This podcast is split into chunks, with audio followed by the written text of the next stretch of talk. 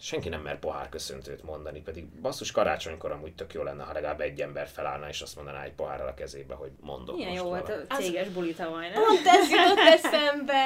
Jó, kellett hozzá egy kis alkohol, de hogy ott, ott ha még nem hallottátok a sztorit, tavaly ugye csináltunk karácsonykor egy, hát a barátokkal egy bulit, de céges bulinak hívtuk, mert majdnem az összes barátunk ilyen léhűtő vállalkozó, úgyhogy senkinek nincs céges bulia, és ott például egy bizonyos idő után mindenki mondott egy évösszegző beszédet a saját évéről, és, és szerintem barom jó volt. Igen. Igen, és ezt Gergő vetette fel, és moderálta le, és fantasztikus volt. De azt gondolom, hogy, hogy végső soron egy ilyen, egy olyan környezetben is, mint amiben mi vagyunk, hogy nagyon otthonosan mozgunk, és már nagyon természetesen jön, és mit tudom én, a, ezeknek a tudatosítása is tud már magabiztosságot adni, ami pedig még csak hozzátesz ehhez a, ehhez a kényelemhez, amiben vagyunk.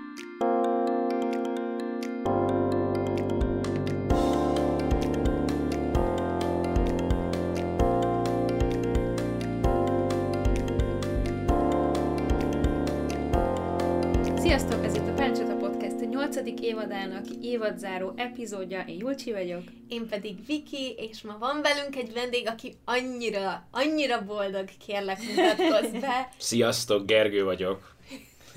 Gergőről azt kell tudni, hogy ő most már, ő a legrendszeresebb visszajáró vendégünk egyébként a Párnacsatem. Ó, nem, Erről Dávid, csináltunk, szerintem Dávid. Dávid, de Dávid, igen. valahol Jó, de. Dávid nem is vendég valójában. Ja, hát ez... Oké. Okay. De Gergővel korábban csináltunk részt a motivációkeresésről, a személyiség típusainkról. Miről csináltunk még, Gergő? Szerintem ez a kettő volt. De kérlek néhány mondatot mondj magadról, hogyha esetleg még valaki nem hallott nálunk téged, akkor mit kell tudni rólad? Retorika fejlesztéssel, kommunikációval foglalkozom, és egyébként Dávidnak a múltkori kommentje a működésemet, illetően mi szerint egy kommunikációs svájci bicska vagyok, ezt így most már így, így felvállaltam. és Ráraktad a névjegykártyádra ezt? abszolút ma voltam előadást tartani, és a felkonfba benne volt. De hogy nem tudom, hogy hogy pontosan, mert hogy a nő, aki felkonferált, mondta, hogy és egy kedves barátja úgy nyilatkozott róla, hogy, és így bemondtam, amit Ah. Dávid mondott, az nagyon meglepő volt. Szóval amellett, hogy kiabálok emberekkel különböző rendezvényeken, fejlesztek embereket különböző tréningeken, egyénekben és csoportokban, de emellett hozzátartozik a működésemhez, én ezt szeretném itt most nyíltan vállalni, hogy, hogy rengeteg helyen a Párnacsata podcastből ismernek meg, és az történik, hogy ilyenkor mindig nagyon lelkes leszek, és elkezdem a lányokat nyomkodni, hogy folytassuk már. Legutóbb éppen egy konferencián nagyon komoly nemzetközi gárdát, meg helyi arcokat konferáltam egyébként a CEU-nak az épületében, nagyon impozáns volt, és ott a recepciónál köszöntöttek úgy, hogy de hát én ismernek a párnacsatáról, szóval, hogy köszi srácok, már mint hogy nektek is, meg így a közösségnek is, mert hogy ennek most már lett egy ilyen karrierformáló ereje. Ez nagyon-nagyon jó hallani. Igen. És mondasz egy mondatot csak gyorsan arról, hogy mi lesz a mai témánk. Ma Mert hogy azzal- ezzel, te jöttél ezzel az ötlettel. Abszolút. Én szeretném ma nektek megmutatni azt a felkészítő eszközt, ami prezentációkészítésnél, beszédmegírásnál, tartalomgyártásnál, úgy mint YouTube, TikTok videó, podcast, stb. Tehát, hogy bármi, ami frontális kommunikáció a te részedről. És tényleg mindegy, hogy ez egy esküvőn te vagy éppen a best man, best woman, és van 5 perced mondani valamit, vagy egy 40 perces üzleti prezentációra, vagy épp a következő párnacsata epizódra készülsz. Van egy olyan guideline, működési elv, amit hogyha követsz, akkor nagyon sok bakit ki tudsz küszöbölni, és fókuszban, magad, fókuszban tudod magadat tartani. Hogyha egyébként attól félsz általában, hogy zavarba jönnél és megrekednél, akkor segít abban, hogy magabiztos legyél a mondani valódat illetően. Ha pedig az a probléma, hogy szószátjár vagy, és csapongsz nagyon sokat, ilyen all over the place jellegű karakter vagy, akkor pedig segít abban, hogy összeszed magad és fókuszáltabb legyél. Nagyon izgi, úgyhogy alig várom, hogy ezt részletesen kibontsuk, de még mielőtt belevágnak, jöhet a szokásos hogy vagy kör. Julcsi, te hogy vagy? Köszönöm szépen, nagyon jól vagyok, rendkívül fáradt, de ez teljesen normális. Ma az egész délelőttet egy CTG-n töltöttem, ami egy, mindegy, egy ilyen vizsgálat, amire kell menni a várandósoknak, és aztán ott várni kell a hideg, kemény padon órákig. Úgyhogy egy kicsit már, már elfáradtam már, de, de minden szuper, és uh, megmondom őszintén, nagyon izgatott vagyok azért, hogy egyre kevesebb munkadolog marad hátra, és most befejezzük a párnacsetát, amit nyilván imádok, de ez is egy plusz heti elfoglaltság, ami kezd most már teher lenni, ugyanúgy, mint egy mosogatás, amit tegnap félbe kellett hagynom, mert elfáradtam közben. Úgyhogy én, én most már így vagyok, de, de minden szuper. Szerintem ezt abszolút bárki, mindenki meg fogja érteni, mert hogyha nagyon figyelmesen hallgattátok az előző párnacsata részeket, akkor Júlcsi egyre gyorsabban kifullad. és Igen. már volt, hogy meg kellett szakítani a részt, és azt mondani, hogy nyugodtan kifújhatod meg, mert hogyha nem tudom mit, hogyha egy, egy mérföldet lefutott volna, és úgy jött volna le, és mondta volna az adott mondatot. Mert ugye az a baj, hogy nincs helye a tüdőmnek, és az én mondataim olyanok, hogy így elkezdődnek valahol, és aztán így valahol egyszer 10 perc múlva véget ér, és most már erre nem vagyok képes, mert hogy így közben így csinálok egy ilyen egy ilyet, és akkor szóval ezt valószínűleg nem annyira jó hallgatni sem, úgyhogy ti is jobban jártok, higgyétek el, hogy, hogy ennek az évadnak itt most vége Tehát gyakorlatilag négyen ülünk az asztalnál, csak az egyikünk még egy még nálunk is kiszolgáltatottabb. Ja, ja. Mármint én vagy Ami gyerek? Julcsi, Julcsi a legkiszolgáltatottabb. Nem, nem, a gyerek. A gyerek is. Ez csak egy ilyen egzisztenciális szorongós poén volt, hogy most már mennyire ki vagyunk szolgáltatva mindennek, nem haragudjatok, de formában jövök majd. Ja. Gergő, hogy vagy? Én még olyan jól, amióta ismerjük egymást, és amióta kameózgatok nálatok, szerintem nem voltam. És nagyon nehéz mit kezdeni azzal, hogy az ember jól van. Mert egyrészt a környezetemben nagyon sokakkal most történnek meg azok a negatív dolgok, szakmailag és magánemberként. Főként magánemberként, most ezt így próbáltam kiegyensúlyozni, de nem magánemberként. Tehát, hogy most, most azért több ember körülöttem megél hasonló drámákat, mint amiket én éltem meg, és próbálok, próbálom őket támogatni, de hogy egy ilyen nagyon édes probléma az, hogy hmm, social médiában mennyire reprezentáljam a sikerélményeimet, hmm, a nehezebb szériában lévő barátok mellett mennyire nyomasztó az, hogyha az ember tündököl, de hogy most ilyen teli hálával csapjunk oda, és egy kicsit ilyen happy go lucky feelingem van. Jó vagyok, tényleg. Ez nagyon jó. Annyira ritkán hallani ilyet, és annyira örömmel tölt el, amikor valaki igen, így ezt mondja. Igen. igen. Múló pillanat, de a pszichológusom azt kérdezte, amikor mondta, hogy úristen Gergőt még soha nem láttalak békében. Most vagyunk nagyjából egy évnél, és most érez békét, meg olyan önazonosságot.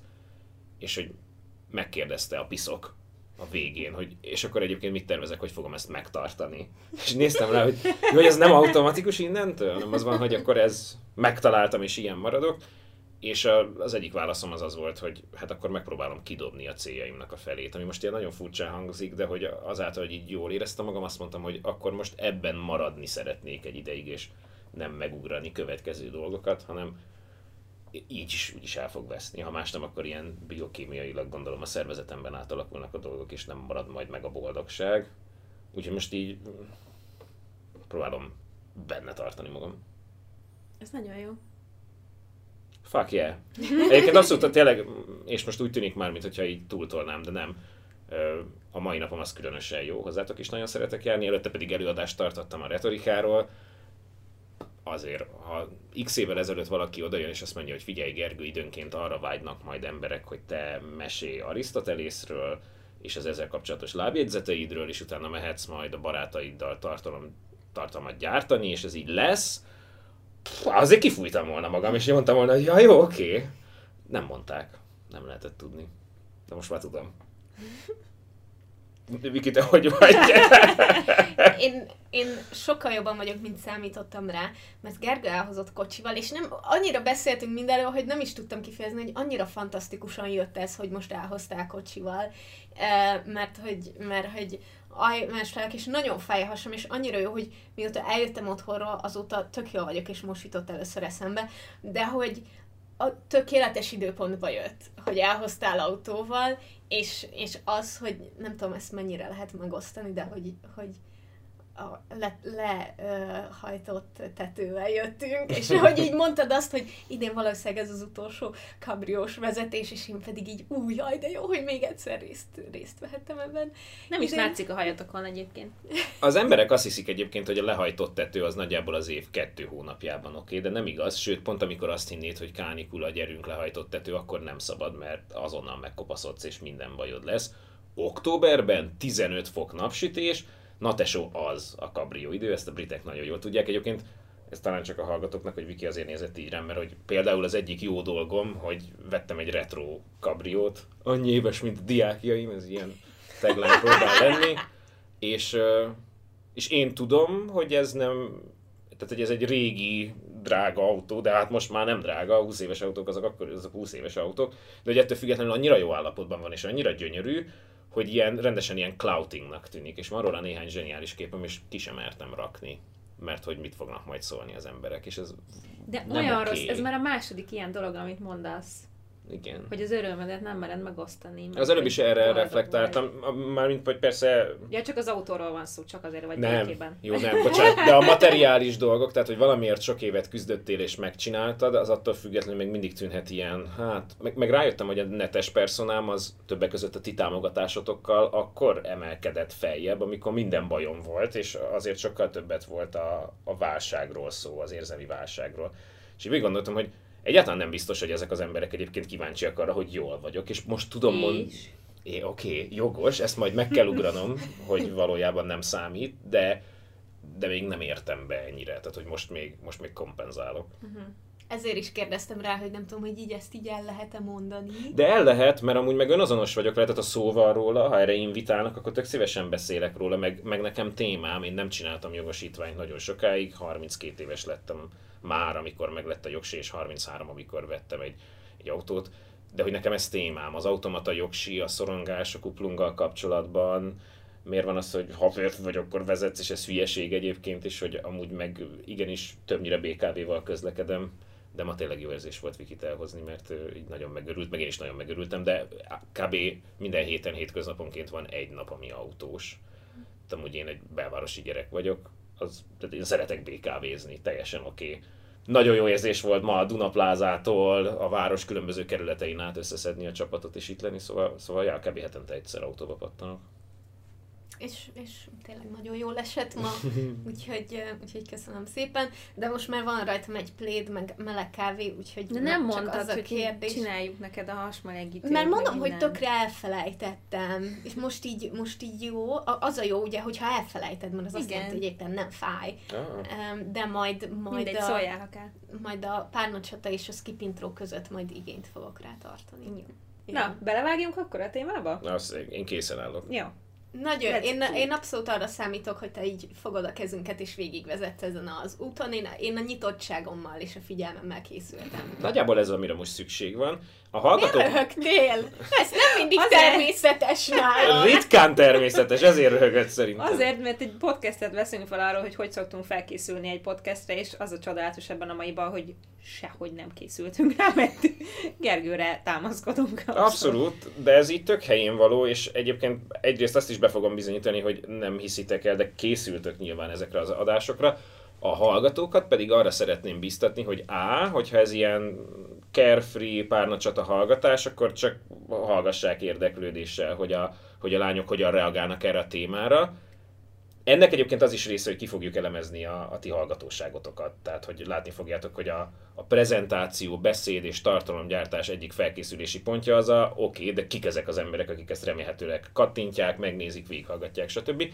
De hogy ezt lehet így lazába is, ha viszont van kedvetek velünk együtt dolgozni, akkor rátok is vonatkozik ugyanez a szisztéma, úgyhogy, úgyhogy ez tényleg hát nem azt mondom, hogy tananyag is, de egy könnyen bevethető eszköz, úgyhogy ha valaki ezt jegyzetelve hallgatja végig, az a legjobb, ha becsilezve hallgatja végig, úgyis tök jó, de rá tudjátok majd vonatkoztatni a saját kihívásaitokra. Csapjunk bele, alapvetően ami most történni fog, tehát még egyszer, ti ezt nem lát... De ahogy látom, nem csak mi izgultunk rá a témára. Látjátok, milyen végtelenül fura alakja van a pocakomnak? Szerintem szemből nem látszik, de fölülről itt egy bub. Látod? Jaj, tényleg. És most így keresztbe, most ilyen szögletes. Mit csinálsz? Egyébként.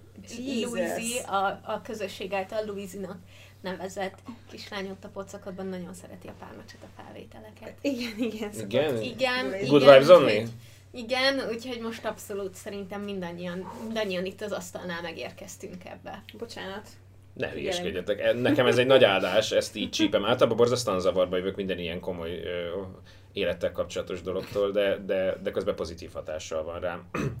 Első lépcső, gyakorlatilag mindig, amikor megadatott, hogy tudsz frontálisan kommunikálni valakivel, ami szerintem egyébként egy nagy áldás, csak társadalmilag rosszul pozícionáljuk, mert azok, akik csinálják is sokszor ilyen mi a szó? Slendriál? Sose bírom ki. Slendrián. Slendrián módon közelítik meg a témát, és ugye vannak, akik teljesen eltolják maguktól, és azt mondják, hogy hát ez majd a nagypofájú extra, meg nem tudom milyen embereknek a terítéke.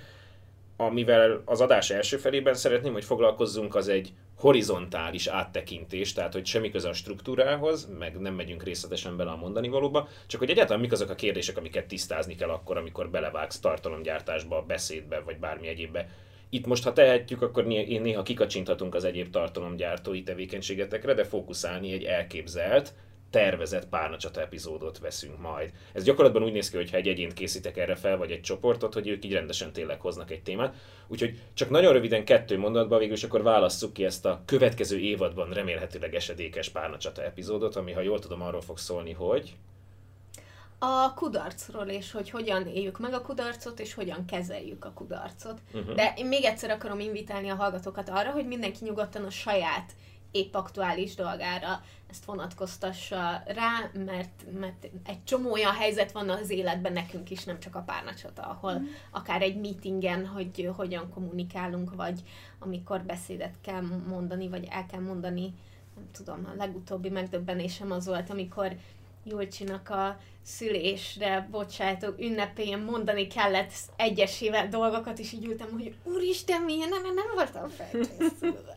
Egyébként ez annyira tipikus, mert nekem meg az jutott eszembe, hogy nekem azért a munkámnak a, a elég nagy része volt abban a hét évben, amíg még rend, tehát, hogy rendes munkahelyem volt, a, így a prezentálás.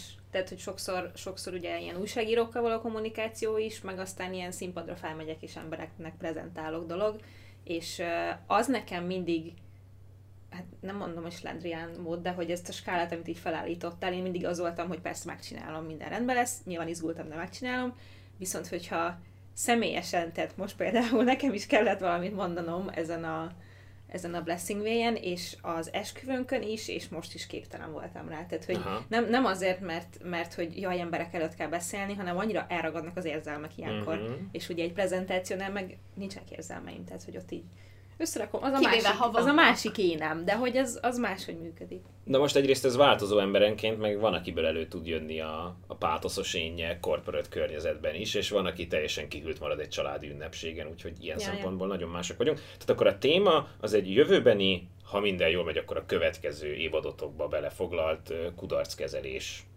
Oké. Okay. A első és legfontosabb szabály, hogy soha semmilyen körülmények között nem kezdjük el előállítani a tartalmat. Tehát ha prezentációt készítesz, akkor nem megnyitod a PPT-t, a Prezit, a Canva-t és egyéb dolgot, a közelébe sem mész. Nyilván ezt azoknak, akik tartalomgyártók, nem kell mondani, tehát hogy nem is lehet az editáló program elé odaülni, amíg nem vetted fel, meg nem gyártottad le. Most a groundwork kategóriában különböző kérdéseket felvetünk majd, és átbeszéljük. Ennek egy része minimális része szól majd arról az epizódról, tehát hogy ezt nagyjából két néhány mondattal előjük. A többi kérdés az általános párnacsatás felmérés. Itt titkos vágyam, hogy egyébként, és most bocs, kibeszélek titeket, mint ahogy a utólagosan kér engedni, mint a Martin, amikor a Random House-osakat beköpi, most én beköpöm a, a lányokat, hogy sokszor ti azt tudjátok, hogy nagyon jó fejemberek hallgatnak titeket, de szerintem azt nem tudjátok, hogy a, hogy 8 évad alatt a hallgatóság is haladt az életével, és sokan nagyon menő dolgokat csinálnak, és felelősségteljes pozikba ott vannak, és, a, és nem csak az az egyébként számomra nagyon imponáló támogató látság veszi őket körbe, hanem sokan odakin harcolnak, küzdenek egyre durvább helyzetekben, és, és szerintem ez fog nekik tetszeni. Ezt, ezt a részét túltoltam. Az első kategória, amit szeretném, hogy átbeszéljünk nagyon röviden, az nem más, mint ennek a közelgő epizódnak a célja. Ezt a retorikával egy kicsit összehegesztve, miről szeretnétek majd meggyőzni a közönséget? Mit gondoltok? Mi lesz ott nektek a kommunikációs küldetésetek? Nekem mindenképpen az lesz, hogy hmm, normalizáljuk azt, hogy emberek bizonyos helyzeteket nem tudnak úgy teljesíteni, ahogy ők szeretnének, vagy nem úgy történik, ahogy ők szeretnék, és hogy ez egy, ez egy igen feldolgozandó dolog, de utána tovább lehet lépni, és ugyanúgy meg lehet próbálni, vagy lehet más módokon megoldani adott kérdést, de hogy, hogy nem szégyen, és mindenkit érint az, hogy dolgok nem sikerülnek. Uh-huh. Nekem ezekkel a témákkal az helyzet, hogy mindig egy célom van. Az egyik az, hogy aki is, akinek ismerős, aki benne van, az lásson egyfajta kiutat, vagy halljon valaki mástól, aki, aki volt ilyenben, és tök jól alakult végül a dolog. Aki pedig nem tapasztalt még hasonlót, az legyen egy kicsit érzékenyebb arra, hogy mi van az, ami, milyen az, amikor valaki mással ez történik. Tök jó. Érzékenyítés, önelfogadás. Akkor, amikor retorikáról van szó, szerintem nagyon fontos, hogy rögtön egyszerre két célt fogalmazzunk meg. Az egyik az a szakmai, idealisztikus, küldetés alapú cél, ezt most megfogalmaztuk, de hogy emellett mindig ott van az a fajta önző, és itt most az önzőt nem pejoratívan, negatívan értem, hanem az egy erény, a, az önző érdek ebben a kommunikációs aktusban. Mert hogy mindig, minden ilyen kommunikációs aktusban nem csak arról akarod meggyőzni az illetőt, ami a tárgya és célja annak az epizódnak, hanem képviseled benne magad. És van, aki ezt eltolja magától, és azt mondja, hogy dehogy is. És közben de mindig pozícionálod magad. Amikor annak idején normális munkád volt, minden preziben, hiába egy céget képviseltél, vagy egy projektet képviseltél, szeretted, hogy volna elérni, hogy rólad azt gondolják, hogy azért kompetens szakember vagy. Minden egyes skip introval, minden egyes kibeszélővel, tartalommal, bármivel az ember nyilván képviseli magát, és így van ez szakmai környezetben is. Ilyen szempontból lehet mondani nyugodtan, hogy hát szeretnétek a párnacsat a brandet minden egyes epizóddal erősíteni, hogy az a benyomás legyen bennük, hogy wow, megérte a lányokat hallgatni, megérte ide kattintani, jönni a csoportba, tovább menni, és ez vannak, akiknek ez gond, tehát hogy van, aki kompenzálva ezt eltolja magától, és megpróbálja magát egy, egy, egy illúzióban tartani, hogy ennek most, csak, ennek most csak küldetése van, és nem igaz. A jótékony projekteknek is van önző része, lehet, hogy non-profit dolgot csinálsz, de akkor is pozícionálod magadat, hogy non-profit vagy. Az anonimitás az egyetlen, amiben ugye ez megszűnik, na de anonim podcastet ti nem terveztek most így csinálni, tehát ez egy párnacsata epizód lesz, ahol ti vállaltak vagytok. Szóval az első dolog, amit megbeszéltünk, most, hogyha itt lenne egy whiteboard, vagy a nézők látnák, ne Isten valaki jegyzetel, akkor eddig egyetlen dolog történt. Cél, kettős pont, és felírtuk, hogy az emberek a, nagyon tetszik a normalizálás. Normalizáljuk a kudarcot. Mindenki kudarcot vál időnként, az nem, nem lehet szégyen. És akkor annak érdekében, hogy magamat is meglepjem, és nektek se legyen kiszámítható nagyon, képzeljétek el, hogy a többit ebben a, az első szegmensben húzni fogjuk random. Target, az van ráírom. Aha. Gyakorlatilag a következő, amit érdemes átbeszélni, ez a célközönség. Ott fogok állni, megtartom ezt a beszédet, levetítem ezt a videót, megjelenek ebben a podcastben, végigcsinálom ezt a prezentációt. Na jó, de kiknek? Kik, kik ezek az emberek, és hogyan lehet ezt végig gondolni? És én itt arra szoktam biztatni az embereket, hogy csináljanak úgy, mint a marketingesek, amikor egy új terméket kitalálnak, csak fordítva. Ugye mit csinál egy marketinges? Azt mondja, hogy hát nem akarok ennek a 7 milliárd embernek eladni, vagy hát akarnék, csak nem sikerül. Elkezdem leszűkíteni, hogy ez kiknek való akkor, amikor van egy fix közönséged, vagy egy nagyjáboli fix közönséged, akkor meg ugyanezt az, ezeket az eszközöket lehet csinálni, csak a szűkítés már megtörtént, de ugyanezek alapján, a kategóriák alapján ki lehet értékelni, hogy ők kicsodák. Itt most ez, itt fel fogok tenni érzékeny kérdéseket is. Nyilván ez egy ilyen metadolog, hogy azok az emberek hallgatják ezt, akiket most kielemzünk, meglátjuk, hogy ez mennyire fér bele, de szerintem egy tök izgalmas dolog itt, hogyha például a KKV marketingből merítünk, akkor általában négy dolgot szoktak végvenni az emberek, a demográfia, szociográfia, geográfia és pszichográfia. Ezek ilyen quick winek. Nagyjából mire tippelünk a párnacsata közönségét, illetően demográfia. Ez ugye a nem, kor, nagyon basic dolgok. Kik ezek a srácok? Szerintem háromnegyede nő, uh-huh. és mhm. mondjuk egy negyede férfi, aki hallgatja, és azt gondolom, hogy főként um, 20 és 30 év közöttiek. Aha. Mm, szerintem kicsit... Átlagosan. Én 25-35-öt mondanék, de ja. Uh-huh. Szerintem vannak fiatalabbak, szerintem vannak. De vannak idősebbek 18-20, és valóban kis számba, de van, van ugye 50 éves hallgatónk is egyébként. Szóval. Igen. Szerintem az átlag az egyébként a 20-35 nekem legalábbis, hogyha összeadogatom azokat az embereket, akik ah, a srác a párna csatából is így mutatnak rám, akkor, akkor így Nyilván ez nem egy reprezentatív kutatás, ezt elfogadom, de hogy nagyjából ez volt a benyomásom, hogy... Meg ha nagyon akarnánk, meg tudnánk nézni egyébként az enkorban, de most így maradjunk abban, hogy okay. kb. 20-35, ez egy kompromisszum. Van valamennyi felelősségem már az életben, ha más nem, akkor a tanulmányaim iránt, tehát hogy nem az, hogy reggel 8-tól vagyok 5-ig a suliba, hanem összeraktam magamnak, legalább már az óra rendemet összeraktam magamnak, túl egészen a határa csillagoség. Jó.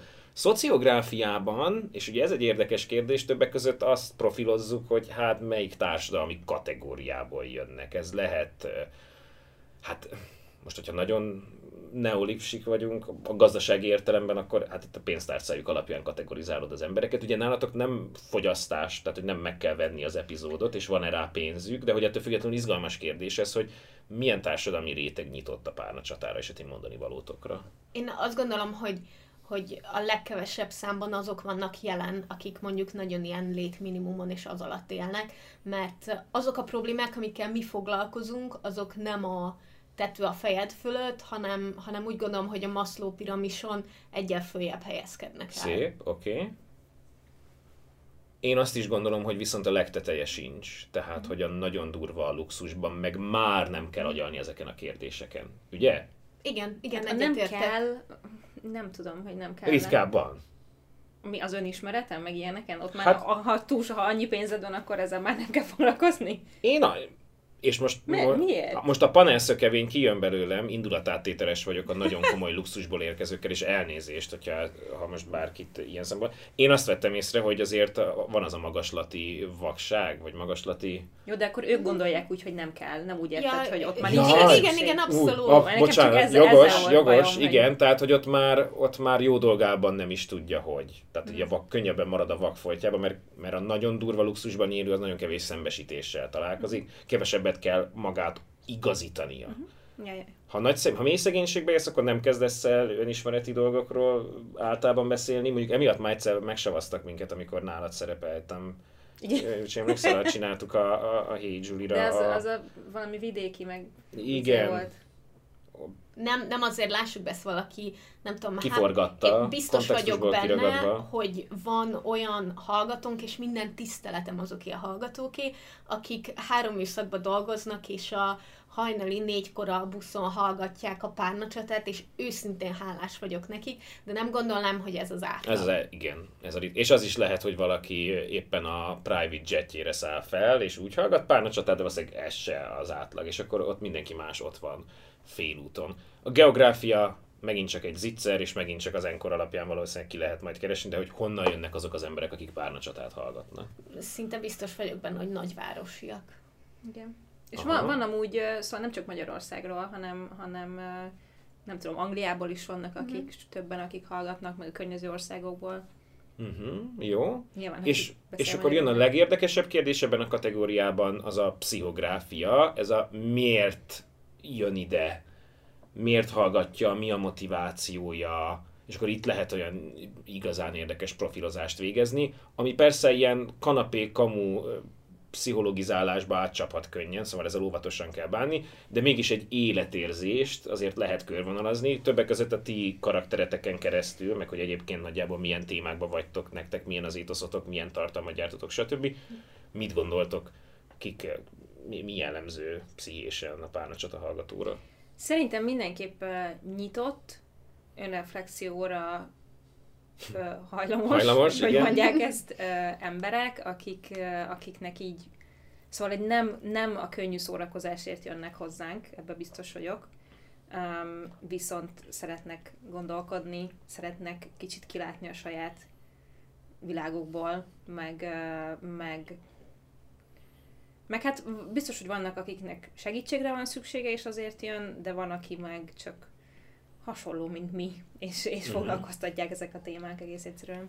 Én azt gondolom, hogy olyan emberek is, akik úgy érzik, hogy valami nem jó az életükben, nem, de nem feltétlenül tudnak rámutatni, hogy mi az, ami nem jó, és hogy itt mondjuk kaphatnak egy képet arról, hogy milyen olyan összetevői vannak így a, az életünknek, amik, amikről viszonylag kevesebbet beszélünk, és mondjuk mi hajlandóak vagyunk azt mondani, hogy nem tudom, igenis egy mental load dolog, az, az egy láthatatlan probléma, de probléma. Uh-huh. Meg egy kicsit szerintem a közösséghez tartozás is benne van. De szép, mert aha. tehát, hogy nem lehet kivenni a Facebook csoportot ebből, én csak azért vagyok fent Facebookon, mert van ez a csoport, ez most egy dolog, hogy az adminja vagyok, de hogy lehet, hogy ha nem lennék az, akkor is fent lennék Facebookon csak emiatt a csoport miatt, mert hogy annyira jól lehet ott beszélgetni, és nem ítélkezik senki, és tehát, hogy ez egy nagyon különleges dolog szerintem Nekem a ti- interneten. Ti csoportotok, a, én megfogalmaztam ezt egyik nap, az az anti-reddit.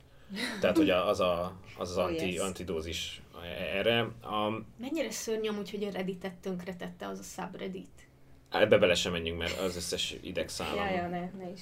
tűnik el. Um, én nekem két dolog jut eszembe akkor, amikor megpróbálom elképzelni ezt a párnacsata vibe-ot. Az egyik, ez a, és ahogy most körülnézek is látom így színében, meg textúrájában, meg, meg olyan tetszik Júlcsinak a humankind be both jellegű dolga, meg ahogy, ahogy Viki fogalmazott az előbb, a normalizáljunk dolgokat. Tehát van itt egy ilyen, figyeljetek, feleslegesen túl stresszelünk, az egyébként nagyon stresszet. Tehát, hogy joggal van sok stressz a világban, létszi a feleslegeseket szűrjük már ki. Ne legyünk stresszesek amiatt, hogy mennyire stresszesek vagyunk, és mi miatt vagyunk Aha. stresszesek. Szép, igen, tehát hogy egyszerűsítsük lelkileg az egyébként nagyon bonyolult posztmodern létet, tehát ez az egyik, és akkor ebben, ebben mondom, tehát én elképzelek ide színeket, meg textúrákat, meg mondani valót, lelkizzünk kényelmesen, a nevébe is benne van.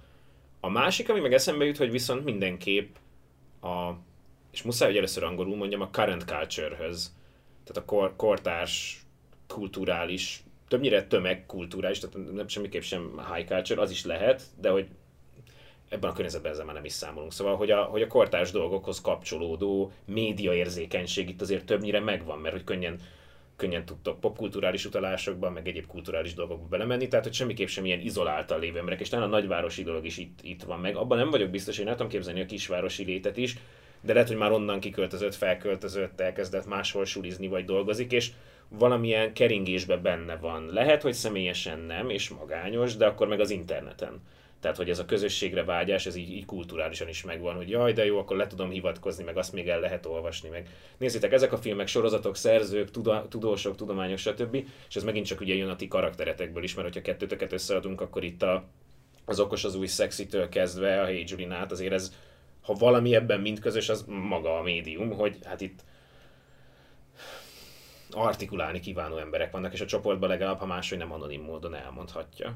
Na most így pofázva se volt ez sok, ugye? Ha megjegyzeteled, és tudod fixen, hogy egy céges prezentációra készülsz, vagy mondjuk, nehogy Isten, tényleg összekapjátok magatokat párnacsata szinten, és mentek pitchelni egy céghez. Ezt, hogy nehogy is. Jézusom! Jézus. Tehát nem, nem, Annyi pénzt kereshettünk volna, ha ilyenekre képesek lennénk. Tehát nem, nem a tartalomgyártásban összekapjátok magatokat, hanem az ön menedzselésben, és éppen viszitek ezt pitchelni egy céghez, akkor is, hát ennek a kijegyzetelése, én van, hogy államvizsgára készítek fel valakit, és akkor ott meg rendesen álljál bele, azt a bizottság. Kik ezek az emberek? Mi a motivációk, mennyire frusztráltak, stb. 5 perc alatt megvan. Akkor most megyünk tovább. Eddig ott tartunk, csak visszamérésként, hogy a groundwork kategóriában, tehát az előzetes felkészülésnél beszéltünk a célról, utána pedig a célközönségről, és most Duration. How long will your speech last? Tehát, hogy a hossz.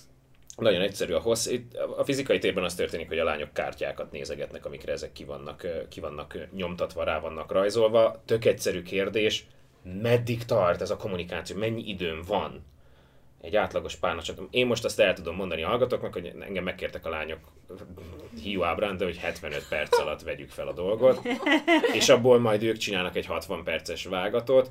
Általában mi a, mi a Ez. mi az alapszabály? Ez lenne nagyjából az alapszabály. Mi- Mindig az egy órát lőjük be, vannak bizonyos témák, amik kicsit így elfajulnak néha, Uh-huh. de, de ez, ez az ideális, úgy gondoljuk. Ha valaki előadásra készül, vagy bármire, amiben van minimális interakció, akkor pedig legalább az irodalomóra 1.0-ig menjen vissza, hogy, hogy van bevezetés, tehát hogyha mondjuk mész beszélgetni valakivel, ahol viszont szeretnél szélszelni, vagy mész egy tárgyalásra, akkor van az elején a jégtörő, utána van a, a doing the dirty, hogy na most akkor tényleg hoztam a mondani valómat, és akkor mondjuk lehet, hogy a végén van Q&A, kérdez felelek, stb. De hogy nagyjából egy ilyen borzasztó egyszerű hármas tagolás. itt is megjelenik a podcastbe, ha belegondoltok. Nekem nagyon tetszik, hogy ennyire szigorúan tartjátok a, a hogy vagyok dolgot. De hogy az az első része, mennyi időt szánunk rá a hogy vagyra, utána van a mai témánk, és akkor a végén még a hű, önreflexió zárókör. Értem, hogy ezt nem szabad hiszen nektek a természetesség és a flow itt nagyon fontos, de hogy talán érdemes erre is valamikor konszenzusra jutni, hogyha 60 perc a vágott anyag, akkor végül is a hogy vagy az mennyi, meg végül is a lábjegyzet a végén mennyi, de ezt, ezt ti tudjátok. Tehát a harmadik kategória, az aztán tényleg egy nagyon egyszerű dolog. Mennyi időm van? Pont. Robogunk tovább, hát ez nagyon beindultak az események. A language-et húztam én most. Nyelvezet ugye hát nagyon egyszerűen be kell lőni, hogy milyen nyelven beszélek a közönséggel, de ez általában borzasztóan egyértelmű, hogy ugye magyar nyelven gyártjátok ezt a tartalmat. Viszont utána bejönnek az ilyen kérdések, hogy oké, okay, akkor mennyi hunglis fér bele például? Bírja ez a közönség, hogy állandóan angol kifejezéseket Ez használ? egy konfliktus például. Mi a helyzet a káromkodással? Mi a helyzet a szakszavakkal, rövidítésekkel és egyéb dolgokkal? Ugye a legegyszerűbb kis csúszka, amit itt tologathatunk, az a elmehetek-e nagyon szakmai irányba, vagy legyek nagyon közérthető? Mennyi humor fér bele, mennyi... Szóval ti hogy vagytok ezzel? Szerintetek mi az ideális eset? Milyen nyelvezetet használ a Párnacsot a podcast?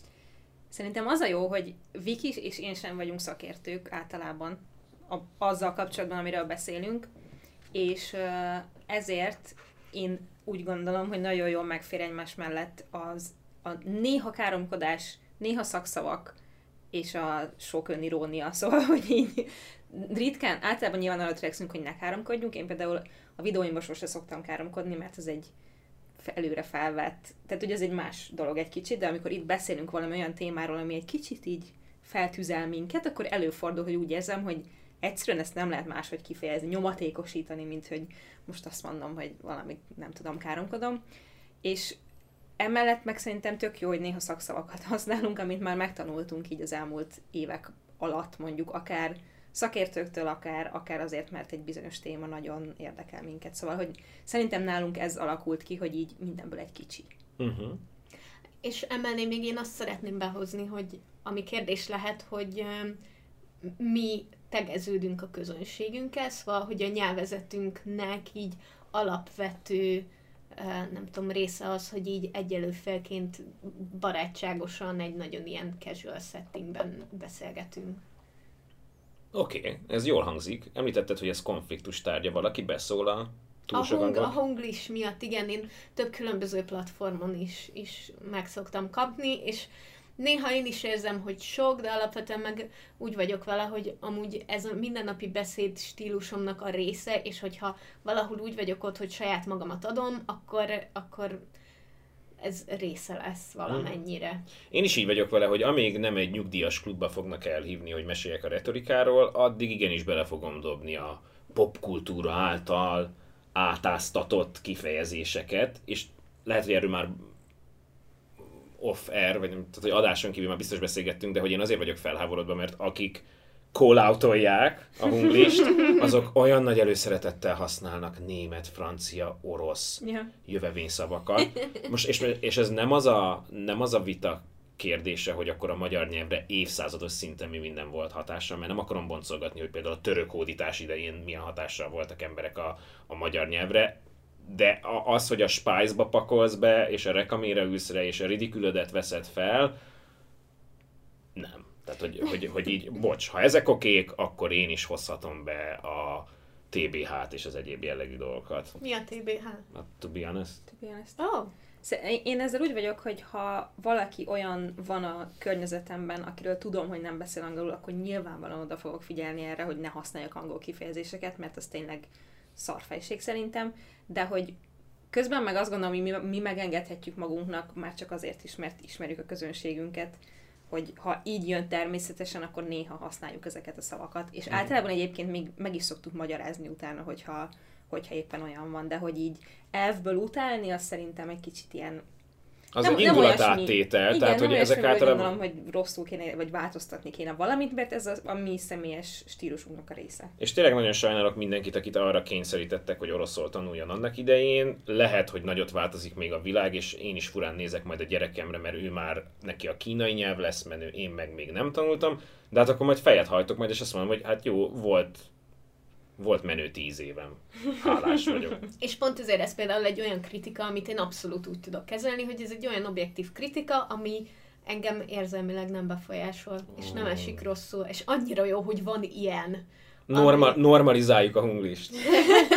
Közben némi moderációs szándék a Vikinek már nyújtom is a következő lapot. Az utolsó előtti kártya, amit kihúztam, az az EO Expectation Objections. What's the audience's opinion? What will they think? Annak a nagyon önsanyargató végig gondolása, hogy milyen elvárásokkal érkeznek ide ezek az emberek, és milyen előzetes kritikájuk van, amire jó lenne reagálni, akár konkrétan a mondani valóban, vagy egyáltalán csak a készülésnél tudatosítani. Szerintetek mi az elvárása a közönségnek egy pár a podcast előtt illetően?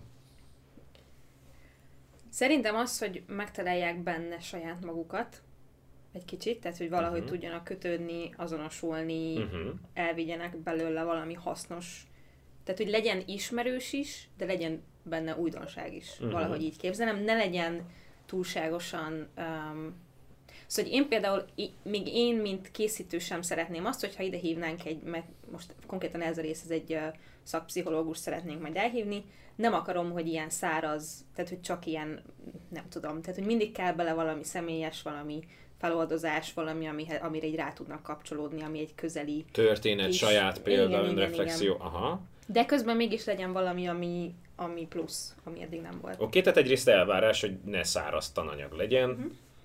A másik Másrészt? részről szerintem viszont elvárás az is, hogy hogy én, én legalábbis részemről, meg szerintem vannak hallgatók, akik részéről elvárás az, hogy legyen benne bizonyos szintűen így, így objektív valami fajta szaktudás, ami lehet, hogy valami tényleg ilyen nagyon-nagyon basic, amit, amit basic, amit, eh, amit egy, eh, egy eh, pszichológiai cikkben olvastam, de hogy legyen mögötte valami fajta visszakereshetőség, úgymond. Uh-huh. Meg szerintem az is, az is uh, fontos talán, vagy elvárás lehet, részemről az lenne, ha bárnacsot hallgató lennék, hogy el tudjam magam úgy is helyezni a történetben, hogy valami kis statisztika legyen benne. Tehát, hogy Aha. va- valami, ami, ami, nem tudom, például a múltkor az olvasós résznél, szerintem tök érdekes volt azt megnézni, hogy Magyarországon átlagban mennyit olvasnak az emberek, tehát, hogy el tud helyezni magad így a,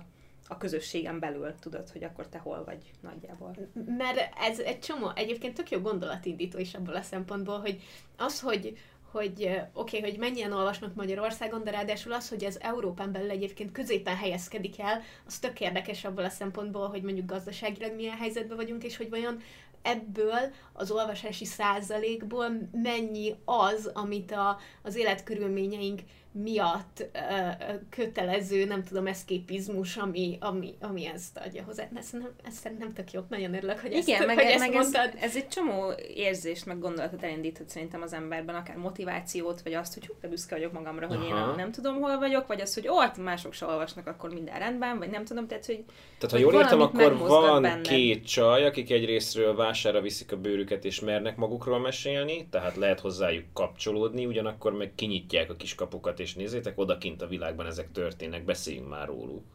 És nekem például most nagyon sokan visszajelezték, hogy a, az előző epizódunk, az a, vagy hát ez előtt kettővel lévő epizódunk, az a, az a magányos társadalomról, meg így az egyedülét, meg egyedülérzésről szólt, és hogy kaptam külön üzeneteket, akik, akik azt írták, hogy mennyire jó, hogy egy ponton kimondom, hogy igenis, kurva nehéz ismerkedni bármilyen szinten. na, És ez hogy- egy példa hogy arra, ez- amikor szükség van a káromkodásra.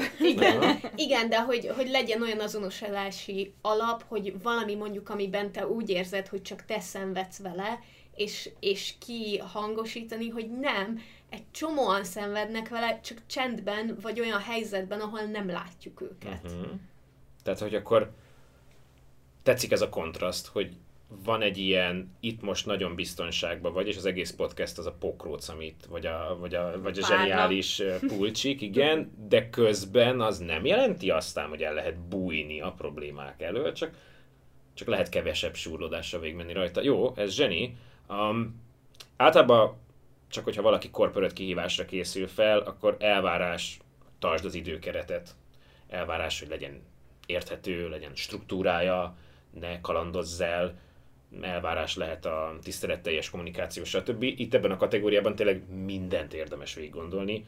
Azért jó ez a fajta jegyzetelés, mert hát ugye most még ezt nem látja senki. Már vicces, hogy persze mi most ezt nyilvánosan csináljuk, de hogy ettől függetlenül ez megengedheted magadnak, hogy találgass olyan dolgokkal kapcsolatban is, amit lehet, hogy a közönség nem örülne, ha meggyanúsítanád őket, hogy valójában ezért jöttetek. De magadnak bevallhatod, hogy mm, nem fogom rájuk olvasni, de valójában ezért jöttek. És ugye ugyanebben a kategóriában érdemes végig gondolni, angol az objections szó van ideírva nekünk a lapra, hogy mi az előzetes aggodalma. Szerintetek, hogyha belegondoltok, hogy az utóbbi években milyen kritika ért titeket, mindegy, hogy jogos volt-e vagy sem, mindegy, hogy nagyon tetszett, hogy Viki szétosztottad az előbb, hogy most akkor objektív van, izé, de hogy érzed, tehát hogy most minden mindegy, milyen kritikákat szoktatok általában kapni? A párna csatával? Uh-huh. Azt, hogy um, egy idő után nagyon um, ismétlődőek a felvetett témák és a hozzáállás, és hogy kevés a, az új meg challenging gondolat és probléma, amit behozunk. Na ez hozzám nem jutott el, úgyhogy nem tudom, hogy ez honnan érkezett ez a kritika, de... Ny- nyugi lányok. Én nekem, nekem olyan ismerősöktől érkezett, akikkel nagyon örülök, hogy vagyok olyan viszonyban, hogy ha megkérdeztem, akkor őszintén elmondta. Uh-huh. És ennek nagyon örülök, hogy, hogy, hogy De nem adtad tovább a, a csatatársadnak, hogy ez probléma. Mert friss. Ja, Biztos ja de nem, nem, nem, én ezt, én ezt... nem, én, én, én érted ezt a, ezt a kritikát, ezt tudom a helyén kezelni, hogy most az, hogy összesen négy ember mondott nekem ilyet, az mit jelent nagy számok terén, viszont amikor meg olyan helyzetben vagyunk, hogy fontos, például amikor tervezünk egy évadot, hogy milyen részek legyenek, akkor ott én ezeket behozom. Uh-huh. Jó. Nem, nem úgy, hogy az XY, akit te is ismersz egyébként, azt mondta nekem, hogy ő erre meg erre rá se kattintott, mert annyira általános, meg annyira olyan, mint az előzők, de hogy, hogy én hallottam ilyen kritikákat, és amikor arról van szó, hogy mondjuk építjük, hogy a következő tíz rész miről szóljon, akkor én oda ezt az irányt nem így szó szerint, de tudatosan behozom abban, hogy mondjuk szélesebb körben nyissunk olyan témákra is, amik mondjuk minket nem érintenek, és például ezért, hogy lett a, a drag, uh, drag epizódunk ebbe az évadban, az abszolút olyan volt, amit korábban mondjuk nem feltétlenül nyilván el tudtam volna képzelni, de egy olyan dolog volt, ami, ami tudtam, hogy nem egy átlagos típusú rész, uh-huh. hanem, hanem ki kacsint abból, ahol általában mozgunk. Igen, az a helyzet, hogy most meg akartam nézni, de nem fog menni, mert béna vagyok, hogy azért a nyolcadik évadot zárjuk most, és egy évadban van minimum tíz rész. Tehát, hogy szerintem, Hű. szerintem az, hogy, hogy hát figyelj, e, ugyanazok az emberek vagyunk, szóval hogy időnként nyilván nehéz megújulni, tehát biztos, hogy a tematikák, vagy nem is a, nem a témák, de hogy azon belül, hogy mi az állásfoglalás, meg ilyesmi, az vissza fog jönni. Uh-huh. De szerintem azért eléggé ö, rajta vagyunk, hogy új dolgok legyenek. Um, én, nem, én nem tudok nagyon más. Én nem, jó. nem gondolom, Am- hogy, tehát, hogy, hogy a kritika, amit valaki más mondjuk így megfogalmaz, az, ami azt csinálunk, amit akarunk. És én egy csomó Persze. helyzetben egyébként így teret adok annak, hogy ezt nem azért mondja valaki, hogy én megvédjem, hogy miért így van, hanem hogy ő ezt így gondolja, és akkor én azon egy ideig gondolkodok, hogy én mennyire érzem mondjuk jogosnak a kritikát, és hogyha valamilyen szinten jogosnak érzem, akkor azon tudok-e javítani valamit, ami nekem is oké. Okay. Uh-huh. Itt nyilván a kritikák egy részéről azt mondja az ember, hogy oké, okay, ez van, de nem érdekel, nem szeretném formálni magamat ez alapján, Mint nagyon tetszik, hogy igen, meg, a, meg az autóvásárlás kapcsán mondta Gyurcs, és tökre jól esett, hogy na és, hogyha X embere miatt kikövet, meg azt mondja, hogy jaj, de bunkó nagyképű kabriós hülyegyerek vagy, na de hát, hogyha szeretek kabriós hülyegyerek lenni, akkor meg own it, ugye? Tehát, hogy és aztán van a kritikának egy része, és most már abszolút nem a párnacsatáról van szó, hanem egyéb kommunikációs küldetésekre, amikor készülünk, hogy hm, lehet, hogy nem is velem szembe kritika, de mondjuk lehet, hogy amiben én dolgozom, tehát mondjuk én kompetenciafejlesztő tréner vagyok. Hát egy csomó ember volt már szar tréningen, és gyűlölik a trénereket, meg a kócsokat, mert úgy vannak vele, hogy bitang az emberek. Most ugye itt vannak a tartalomgyártók, hát sok Fú. ember tud haragudni azokra, akik többek között abból élnek, hogy tartalmat gyártanak. És akkor így készíti magának az ember a jegyzetet, és az egyikre azt mondja, hogy na erre fogok reflektálni, a másikra meg azt mondja, hogy nem, de segít a mentális felkészülésben. Főként azért, mert így ki tudod szűrni azokat a dolgokat, amik viszont nem számítanak. Mint például, mi van, ha belepirulok? Mi van, ha megakadok? Megbotlik a nyelvem senki soha nem ment még úgy előadásra, vagy ült egy YouTube videó elé, hogy azt nézte, hogy ah, ott, na most megakadtál. Szar vagy innentől. Ez nincs. Tehát ez a kategória arra is jó, hogy tudatosítsuk, hogy vannak bizonyos démonjaink, amik nem a közönségről szólnak valójában. Ez persze nem jelenti azt, hogy ez egy pillanat alatt kikapcsolható, de azt mindenképp jelenti, hogy tehet, tehát hogy kognitívan így, így gyúrhatod magadat, hogy jó, figyelj, nem érdekel, nem érdekli a közönséget a pöszeségem, nem érdekli a közönséget, hogy meghíztam, nem érdekli a közönséget, hogy nem. De a legtöbb dolog, ami téged zavar, az téged zavar, a közönséget meg nem érdekli. Eszembe jutott a kritikáról még egy pont most, ahogy így ezt mondtad, hogy um, hogy annak ellenére, hogy mi nagyon hasonló életszituációban vagyunk, tudjon azonosulni az is, aki nagyon más életszituációban van. Ja, és például jó. most ezért erőltettem azt, hogy újra és újra mondjuk el, hogy ez nem csak ilyen helyzetben érvényes, hanem érvényes akkor is, amikor nem tudom, a, a, valakinek a szülinapján kell mondanod kettő mondatot, vagy, vagy ki kell állnod magadért a munkahelyeden, vagy, vagy bármilyen helyzetben, szóval, hogy bárki megtalálja azokat a pontokat az életében, amivel össze tudja kapcsolni, hogy lehet, hogy teljesen más a helyzet, így kívülről ránézve, de a problémák meg az érzések, amik felmerülnek, azok nagyon hasonlóak. Uh-huh. Tök jó. Az utolsó kártya, amit elhúztam, az equipment. Felszereltség. Ez megint csak egy nagyon könnyű kérdéskör, mint az, hogy milyen hosszú lesz az előadásod vagy a podcast epizódod. Egy lista arról, hogy milyen eszköztárat használtok. Na most ugye itt ülünk a Dávidnak az egyébként én nem tudom, hogy csináltak, hogy ez a hely hétről hétre lenyűgözőbb. Nagyon De hogy ez itt nagyon impozáns, és nem csak a geekség miatt, hanem infrastruktúrálisan. Egy rövid jegyzet felsorolás arról, hogy a podcastetek mögött milyen infrastruktúrális nagy hatalom rejlik. Csak így négy-öt tétel, ami eszetekbe jut. Hát technikai szinten nyilván a, a mikrofonok, az állványa, a PC uh, szoftver, nem tudom, ezek olyan dolgok egyébként, ami ebben a műfajban nagyon problémás és nagyon nehéz. Uh-huh. Tehát, hogy, hogy kicsit más, mint amikor kiállsz egy prezentációt megtartani, és valakinek odaadtad a PPT-et egy, egy pendrive-on, és utána nem tudom. Na, de ne degradáljuk ezt a kihívást. Mert Jó, aztán PC... rájöttem, hogy nekem igen. is cseszték már ezt el. PC igen, vagy Mac, igen. akkor elhoztad az USB-C igen. átalakítódat, kereklikker, felmikrofon, csipis mikrofon, hogyha csak egy olyan helyzet van, ahol nincs is technikai elvárás, akkor a teret hogy rendezed be, meg a világítás, Abszolút. Respekt nektek azért, hogy azon tök sokat agyaltok, hogy az asztal hol van, hogy, ültetik le, hogy ültetitek le az embert, tehát hogy a, a materiális körülmények, és most nem a fancy materiális, mert nem kell, hogy drága legyen, mert láttam én már podcast felvételt egy darab középszerű mikrofonnal, meg láttam már, mint most itt kipakolva, gondolom, hogy az első évadnál azért nem ez állt rendelkezésre, ugye, hogy így elképzelem.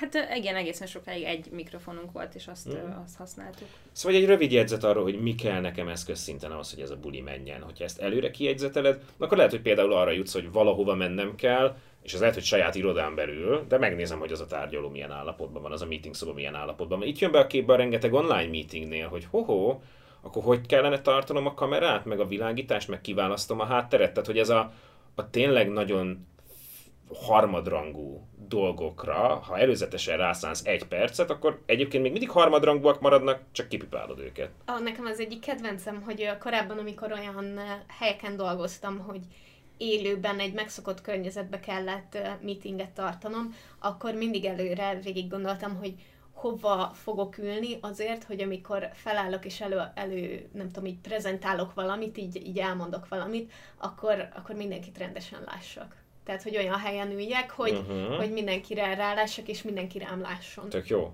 Igen. Ez egy nagyon... Ez egy pro megközelítés. Végeztünk az első nagy kategóriával, egy rövid áttekintés, tehát most azt mondjuk, hogy mielőtt elkezded megírni, felvenni, megvágni, kigondolni, de még miatt a jegyzetet elkezd, tehát hogy ezen a ponton még konkrétan a kudarc kezeléssel kapcsolatban egy sor jegyzetünk nincs. És ez tök oké. Okay. Egyelőre, ami kapcsolódott a témához, az mi volt, mi a cél, és utána rendeltünk hozzá, ez felsorolás, hogyha valaki jegyzetelt, akkor vissza tudja ellenőrizni, tehát hat dolgot jegyeztünk fel, a cél, a közönség elvárása és a közönség fenntartásai, a hossza ennek az anyagnak, a célközönség, a nyelvezet és az eszköztár. Ha nem először csinálod ezt, hanem másodjára, szinte kizárt, hogy ez 10 percnél tovább tartson. Ott már valami nagyon fura van, ott, ott valószínűleg részeg vagy, vagy még nem ittad meg a kávédat, vagy tehát ott valami van, e, mert hogy így, így kijön belőled. Most jön majd a második fázis, és nagyon bízom benne, hogy van rá elég időnk, de ez olyasmi, amit bárki megtehet, előzetes képzettség, meg bármi egyéb nélkül. Hat kérdést tedd fel magadnak, válaszold, megcsinálj belőle jegyzetet, jobban fogod érezni magadat, akkor is, amikor már csinálod, meg akkor is, amikor előtte elkezded gyártani hozzá a dolgokat. Jók vagyunk így ezzel? Most arra már valószínűleg eldöntöttétek, hogy ez egy jó epizód, vagy ilyen. Hát ennek a barátnak beengedtük ezt a szívességet. De... egy másik témát. Megint. Hát megint. Kurva retorika. Nem baj, legalább akkor a következő évadban megint nem kell meg. Júj, de szép. ne haragudj, tudtam, Ez, ez magasról jó haragudj. volt. Igen, abszolút. A közönség nem látja, hogy pirulok. Viki meg uh, tudjuk, hogy amúgy is visszajön ezzel. Most jön az a rész, ami miatt ezért az egészért oda vagyok. Tehát, hogy ez, ez tényleg csak a, a petting volt, most jön az, ami, ami nekem a wow része volt, és amióta ezt tudom, azóta nekem is, és a mentorátjaimnak is egyszerűen tényleg könnyebb az élete. És megint nagyon egyszerű lesz maga a megközelítés, de egy picit törnetek kell magatokat. Remélem, most arra szeretnének titeket kérni, hogy felejtsétek el most még a, a hogyant. Úgy értem, hogy a következő rész arról fog szólni, hogy a mondani valótoknak a fő pillérjeit lefektessük, ami azt jelenti, hogy most még nem úgy kell fogalmazni, hogy az adásban szeretnél, most még nem kell a, a marketinges, reklámos, tartalomgyártós éneteket előhozni, tehát most még nincs pátosz, most még nincs közönségcsalogatás, most még semmi nincs. Ilyen nagyon gépiesen kiköhögni magunkból, hogy milyen pilléreket szeretnénk letenni az asztalra, és tudom, hogy ez majd szeretnétek vendéget hívni, tehát lehet az az egyik pillér, hogy na és ehhez ma hívtunk egy vendéget, tehát hogy így értem, hogy ilyen nagyon egyértelmű sarokpontokat letegyen az ember. Ahhoz, hogy egy sarokpont, angolul main point meglegyen, ahhoz általában három dologra van szükség egy kulcsmondatra, ami tényleg minél gépiesebben, robotszerűen van megfogalmazva, akár egy kicsit túlcsavarva, annál jobb, mert ez nem biztos, hogy belekerül ám az anyagba, ez neked így megvan, hogy ez az egyik fő mondani való. A gólnál ugye az elején már össze is szedtünk egyet Viki segítségével, hogy hát normalizáljuk a kudarcélményeket. Ez lehet egy például mindenki, tegyük nyilvánvalóvá, hogy mindenki él meg kudarcokat az élete során, és ezeket valahogy fel kell dolgozni. Nagyon szép. Ez, ez így egy kulcsmondat. De fő mondani való pontként akkor vagyunk meg, hogyha a kulcsmondathoz rendelünk jegyzetet, tényeket. Én ezt általában úgy képzelem el, mint hogy van egy headline-od, egy címed, az a, az a kulcsmondatod, és akkor a tények alatt az meg az ilyen bullet pointos kis jegyzetelés hozzá. A harmadik pedig és ez már, ehhez már prónak kell lenni, tehát ezt akár is engedhetitek, ez a váltás egyik pontból a másikba. Tehát ideális esetben úgy néz ki egy blokk, hogy annak van egy fő mondani valója, ahhoz megvannak a kis jegyzeteid, és tudod, hogy hogy váltasz át egy másikra. Ez nagyon sok minden lehet. Tehát, hogy lehet, hogy itt iszol egy kortvizet, hogyha előadsz, lehet, hogy itt jön egy transition, hogyha YouTube átvezetés. vagy átvezetés, nagyon szép. Lehet, hogy itt podcast szinten váltotok csak egyszerűen témát, vagy jön be egy személyes sztori, vagy, vagy valami. Tudom, hogy ti ennél azért kötetlenebbek vagytok, de hogy ezzel lehet játszani.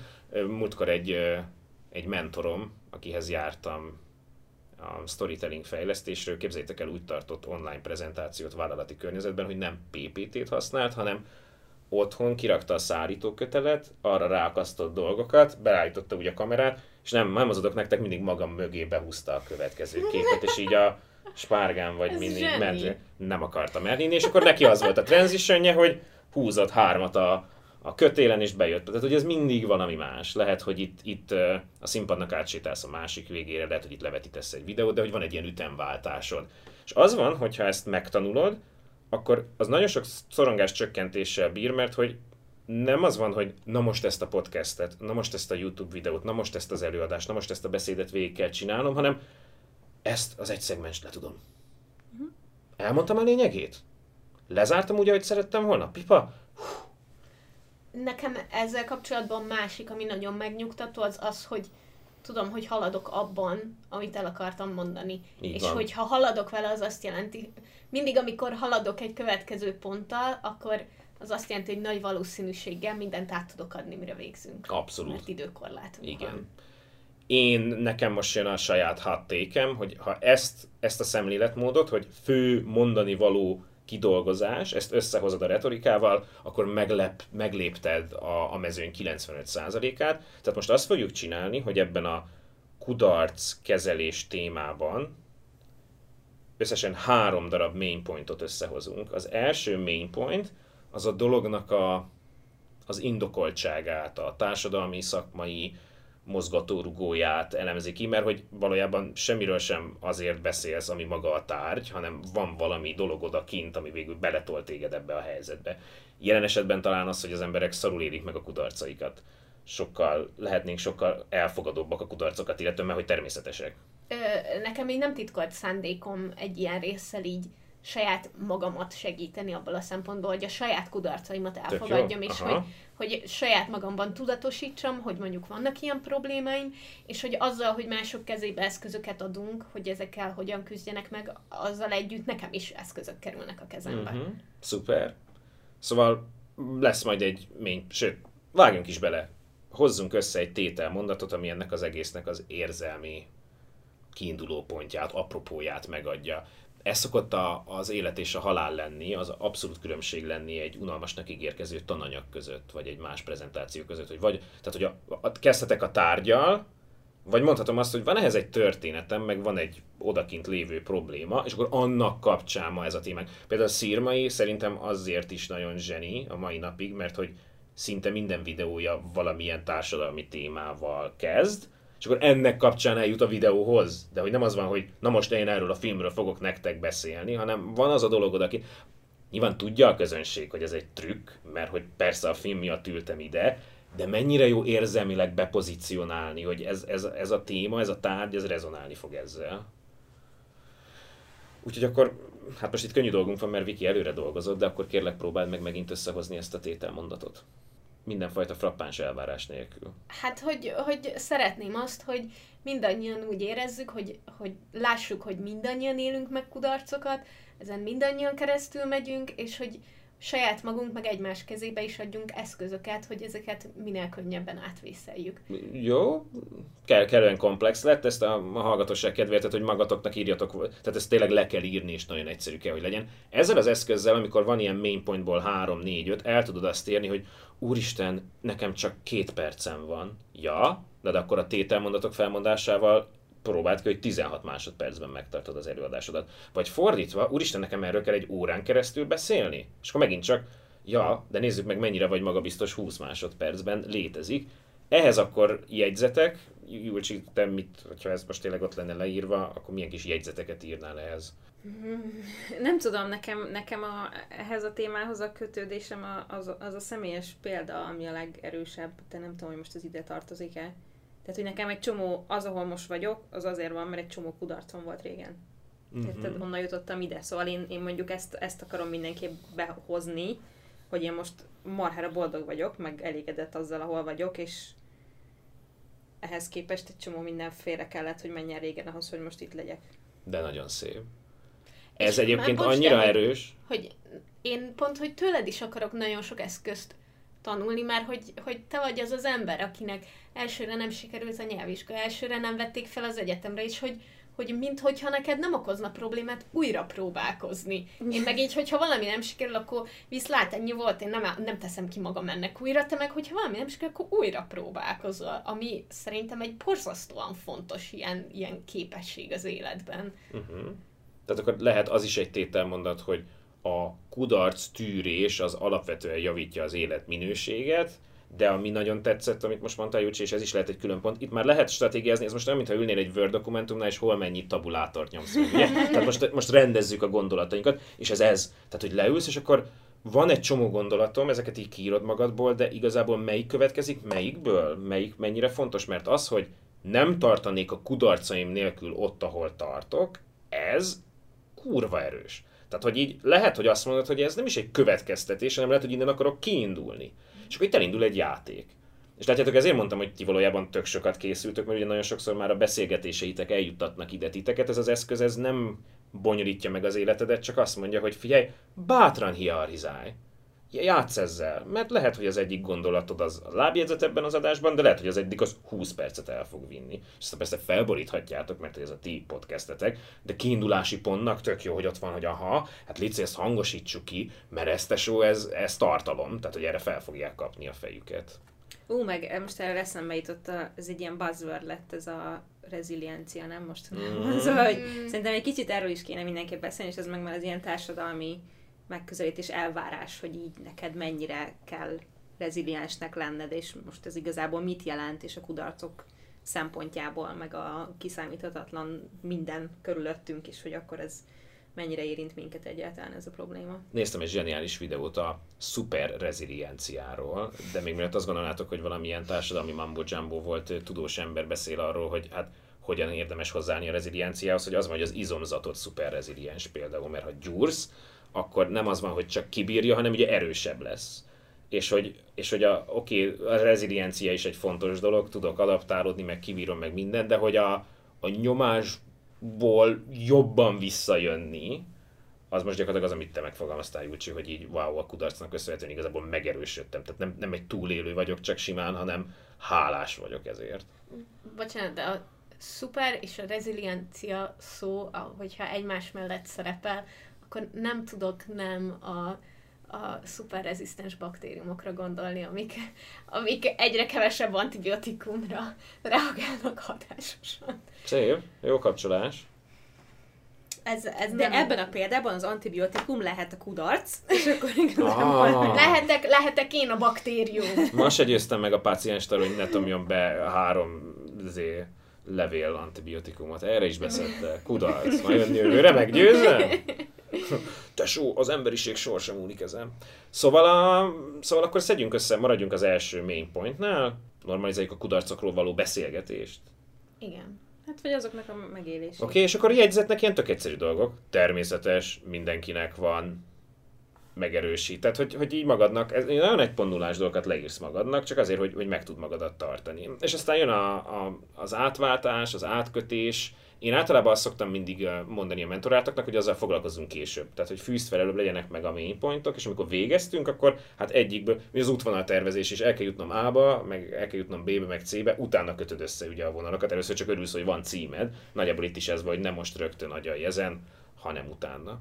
Viszont bocsánat, de Gyere. szerintem ez a három dolog, amit most így felhoztunk, ha maradunk ezeknél, ez egy kicsit ilyen váltásban van. Mert az első az, hogy a kudarc normális, az még ilyen semleges, vagy inkább negatív érzést kelt az emberben. Szerintem, hogy jaj, mindenkinek szar, izé. És aztán, Bennem ha ebből... Nem. Tényleg? Tényleg bennem az, hogy úristen, másnak, ilyen, másnak is ilyen szari de jó, nem Jó, de azt már tovább gondolod, az, az, már, az már tovább van egy kicsi szerintem. De az, hogy, hogy mondjuk utána jön az, hogy a kudarcaidból meg tudsz erősödni, az szerintem egy ilyen pozitív iránymutató dolog, uh-huh. és ha utána visszamegyünk arra, hogy a társadalom mit vár el tőlünk egyébként, az megint egy kicsit ilyen áú. Tehát, hogy egy, nekem ezeknek más a az energia szót fogom használni, de biztos van erre egy jobb kifejezés, tehát hogy egy kicsit más a... Ez cénikusan más, hogy hatnak, Júcsi, nem? szóval Mennyire derült ki, hogy affektálok? Kiderült, ugye? Igen. Érezhető az Lehet azt is, hogy ez mind egy, vagy még egy blokk, tehát hogy itt most hány, hány tabulátort nyomsz, és akkor a main pointon belül van még egy közepesen main, tehát hogy ez, ez innentől rátok van bízva. Ami itt a tanulság az az, hogy először alapozd meg a dolognak az indokoltságát. Érzelmileg, társadalmilag, szakmailag ves fel egy problémát, vaj be valamit, tehát hogy nem az a hatték, hogy kudarc, hanem az, hogy én és a kudarcaim, meg a kudarc és a tehát, hogy valahonnan gyere. És amikor ez megvan, és ez lehet, hogy már több main point volt, lehet, hogy csak ez, akkor válts át, és mondd azt, hogy oké, okay, akkor most jöjjön a hogyan rész, a bizalomgerjesztő rész. Itt értem ez alatt azt, hogy nektek ez az epizódhoz a hogyanhoz fog tartozni. Van egy csomó hogyan dolog, mint hogy milyen hosszú technikailag mi van benne, stb. Ezt nem kell majd nektek így lejegyzetelni, mert tudjátok, de a hogyan részhez hozzátartozik, hogy ez egy vendéget fogadó vendégszereplős. Ez egy vendégszereplős epizód, ez egy klasszikus hogyan. Tehát, hogy ott lehet az egy tételmondat, és ezért nagyon fontos, hogy ez nem maga a az elhangzott szavaknak a struktúrája, hanem magadnak egy, egy struktúra, hogy ez egy annyira érzékeny és fontos téma, hogy vendéget hívunk hozzá. És akkor ez egy tételmondat magadnak, így ezt így nagyon debilben nem fogod ott elmagyarázni, aztán végül is egyébként de, de nem gondolod majd ezt egy főcímnek, hanem ez csak egy ilyen átvezetés lesz. És akkor ehhez a jegyzet, hát az maga a vendég. Meg neki a portfóliója, meg hogy őt honnan ismerhetitek, stb. Ugye egy ilyen hogyan kérdés tud lenni, amikor az előadó megtiszteli a közönségét, és mondjuk megmutatja nagyjából a tartalomjegyzéket előrevetítve. Vagy amikor egy szakdolgozatnak a struktúrájában ott van a tartalomjegyzék. De egy hogyan lehet az is, amikor én például a tréningnek az elején a, megkötöm a csoportszerződést. Tehát, hogy van egy, a műfaj tegyük már tisztába, hogy hogyan vagyunk mi itt együtt ebben a térben, én és a közönségem hogyan fog együtt működni. Nem rágod a szájukba, hogy ez itt egy podcast, amit te hallgatni fogsz, és lesz egy vendég, de az, hogy, hogy ez egy vendég epizód, és hogy nektek műfajilag ez mit jelent, ez is egy ilyen nagyon klassz kis jegyzet tud lenni. Gondolkozom, hogy mi az, ami még a hogyanhoz hozzá tartozik, de, de szerintem, szerintem más itt nincs. És akkor jön a harmadik tételmondat, ami a, a mi. Na és oda jöhetnek be, és nagyon tetszik, hogy mondtátok, hogy tök jók a statisztikák, tök jók a kutatási eredmények, tök jók a trendek, meg egyéb dolgok, az ott már keményen maga a meló. És nagyon fontos, hogy ez a három csapás irány, ez nem kell, hogy arányaiban egyezzen, tehát nem az van, hogy egy harmad időt eltöltök az érzelmi beillesztéssel, egy harmadot a hogyannal, és egy harmadot magával a tartalommal, mert a mit rész lesz valószínűleg 80%-ban. Nektek, és ezt most gondolom végig, tehát ezzel nem készültem, nektek és valószínűleg más tartalomgyártóknak is tök érdekes, hogy nálatok a miért rész sokkal hangsúlyosabb lehet, hiszen vállaltan a ti személyes kapcsolódásotok maga a tartalom. Ez egy szakember, aki kiáll, aznak mondjuk nagy zsuga, hogy két percben elmesél egy személyes történetet, ő azon már kitűnik a tömegből, de nem ezért jöttünk, hogy a személyes történetét meghallgassuk, neki ez az extra. Nálatok a statisztika az extra, kicsit megfordul, hogy wow, a lányok készültek is, mert igazából gyárilag, hogyha csak beszélgetnétek a dolgokról, se senki, senki sem vethetné a szemetekre. Uh-huh. Igen. Szóval a, a mit részben meg, hát mit tudunk a kudarcról, azon kívül, hogy majd a vendég fogja nagyon frankon elmondani, de biztos, hogy van véleményetek, meg tudni lehet ezekről a dolgokat. Van, van bármi így előzetesen? Mármint, hogy, hogy, hogy mit tudunk róla, ami nem a mi személyes Aha, tehát ez a, a mit fogunk mondani, hogy a kudarccal az van, hogy és akkor itt eldöntheted, hogy mi az, amit az érzelmi részből átmentesz ide, de mi az, amin így tárgyalagosan kicsit szeretnénk végvenni. Ezt a harmadik pontot csinálja mindenki. Ez maga, maga, maga a struktúra jegyzet, hogy na, akkor tartalom, jegyzék. Itt ugye azzal hekkeltük meg az agyunkat, hogy az elejére visszapöcköltük a, az érzelmi részt, nem az, hogy hát, ha talán a tanulságban lesz egy önreflexió. És itt most értem, hogy nektek ez nem nagy zsuga, mert hogy ezzel ti tisztában vagytok, de ezt most elsősorban inkább a közönségnek, a közönségeteknek, a hallgatóságnak jó elmondani, hogy merjék előre venni, ha szakmai környezet. Még hogyha az állam vizsgán a szakdolgozatodat véded meg, akkor is az érzelmi rész legyen az elején. Mindegy, hogy akadémia, mindegy, hogy mi az elvárás, hogy mennyire legyél kihűlt, mindig legyen ott a hot take az elején.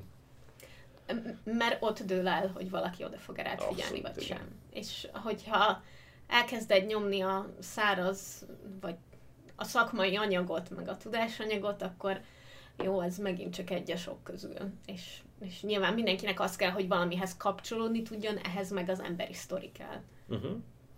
Um... Mert akkor utána már érdekel, hogy, hogy ez az ember, aki, aki ezt így élte meg, vagy ilyen problémája van, vagy, vagy így gondolkodik, akkor ez hogyan jutott el idáig? Abszolút. Hagy mondjak egy, egy gyors példát, említettem, hogy ma voltam előadni céges környezetben. Nekem úgy nézett ki ez a három main pointom, hogy egy, a retorika mindenki és általánosan tudja javítani az életminőségedet, hogyha tudatosan önkifejezel. Kettő, ez egy egyórás előadás, ahol az agytudományból ugyanúgy szeretnék meríteni, mint a pszichológiából és az ókori filozófiából. Három, Arisztotelész szerint van a logos pátosz. Tehát, hogy, hogy a kiinduló pontom nem az, hogy én szeretem a retorikát, meg ez a retorika, hanem tesó, a, annak az eldöntése, hogy ma mit nézzünk a, az HBO, Netflixen, Amazon Prime-on, Apple plus és a nem tudom micsoda, borzasztó. Az is egy meggyőzési dolog, a bértárgyalásod is egy meggyőzési dolog, a közönségnek a magadhoz csábítása és, és lojális közönségé formálása is egy meggyőzési dolog. Tehát, hogy, hogy nekem ott az a mi értem, hogy lássák be, hogy az ő életük is erről szól, nincs menekvés. Ahogyan rész az a, az a, az a szakmaiságnak a megteremtése, hogy innen lopom ezt most össze nektek, és akkor a harmadikra az, az meg az maga az előadás. Akkor most valami olyat keresünk, hogy a kudarc az a személyiségfejlődésnek a része? Például jellemző rátok, hogy így az alapoktól elkezditek, én még nem ültem úgy Wikivel podcasten, hogy ne lett volna ugye a, Wikipédia és mélyebb és kutatások és egyéb dolgok, tehát hogy te felmondod, amellett, hogy jön a személyes kommentet, te felmondod a, az alapokat is. Tehát az már mind jöhet ide. De, de mondom, játszhattok ezzel, tehát hogy ki lehet, általában nekem az a javaslatom, hogy a kedvencét az ember válasz, mert ugye nálatok itt most több minden érzelmi töltet is. A saját példák, a társadalmi példák. Valamelyik fő mozgatórugót meg kell ragadni, de lehet, hogy mindegyik egybe, és akkor azt mondod, hogy a kudarc jobban meghatározza az életünket, mint hinnénk. És akkor ez a te kis ernyőd, és akkor magadnak abba több mindent is beraksz jegyzetbe. Tehát mondom, ez a te homokozód innentől, az is szuper, ha felvallod, hogy hát ez az epizód, ez főként érzelmi dolgokról fog szólni, mert nagyon involválva vagyunk. De ugye beszélgettünk, amikor választottuk, hogy melyik epizód legyen, hogy azért változó az investáltságotok. Igen. Simán lehet, hogy az egyiknél nagyon egyértelmű, hogy ja, van egy dolog, ami engem tényleg érdekel, a többiben a másik meg, hát azt itt tárgyilagosan végigbeszéljük majd. Szóval miért vagyok itt? Érzelmileg, hogy kerültem ide? Műfailag, hogyan fogom ezt csinálni? És aztán mit fogok ma nektek mondani. Most nem tudom eldönteni, hogy a természetes éve, hogy így a végére értünk, vagy az időnyomás miatt lekerekítettem. Most vizsgálom saját magam. Rendben. Nyugodtan gondold végig. Mármint azt, hogy van-e valami, ami úgy érzed, hogy fontos, és emiatt. Ami, amit, amihez szeretnék még egyszer végigkanyarodni, hogy itt már az ember jegyzetel. Azt rátok bízom, hogy gépeltek, vagy, vagy ceruzával, tollal írtok, de hogy itt már az ember jegyzet, de még nem azt, amit rárak a diára, még nem azt, amit felmond, még nem azt, amit belevág a videóba, hanem magadnak csinálsz egy ilyen struktúrált elképzelést. Itt a legnagyobb probléma az az, hogy az ember nehezen érti meg, hogy ezt nem mondja ki a közönségnek. Tehát itt, itt pont, hogy itt a fordított a törekvés, mert általában ugye mit kérnek tőlünk gyerekkorunk óta, hogy szépen fogalmazzunk, szépen fejezzük ki magunkat. Itt meg el kell indulni visszafele, hogy amúgy itt ez most ez nem kell törődni, ezt senki nem fogja hallani, magaddal tudsz-e olyan viszonyban lenni, hogy felböfögöd ezeket a basic dolgokat? Ez nem képességkérdés, vagy hát pont, hogy képességkérdés, hogy ez nem tehetségkérdés, tehát e, ide mindenki el tud jutni, ez nem kell kommunikációs végzettség, ez egy hajlandóság, hogy magamnak kigürizem ezt. És most lehet, hogy valaki azt mondja, hogy Gergő, hát nincs időm eleve elkészíteni a prezit, nem hogy pöcsölni ezzel előtte, és hogy hát legyen. Mármint, hogy ebben viszont ilyen szigorú vagyok. Tehát, hogy az első pakk, amit végignéztünk, ugye, az a hat kérdés, biztos, hogy nem több 10 percnél. Ez a második kör is lehet, hogy van 10 perc, negyed óra. De hogy erőltetni kell. De az van érted, hogy mindenki eldöntheti, hogy ez neki megéri az időt, energiát belefektetni, vagy ugyanezt szerinte többet ér az, hogy nem tudom, ilyen csiricsáré legyen egyébként a PPT, szóval nekem egyértelmű, hogy inkább ezt választanám, de mondjuk nem mindenkinek ez a fontosabb. Uh-huh.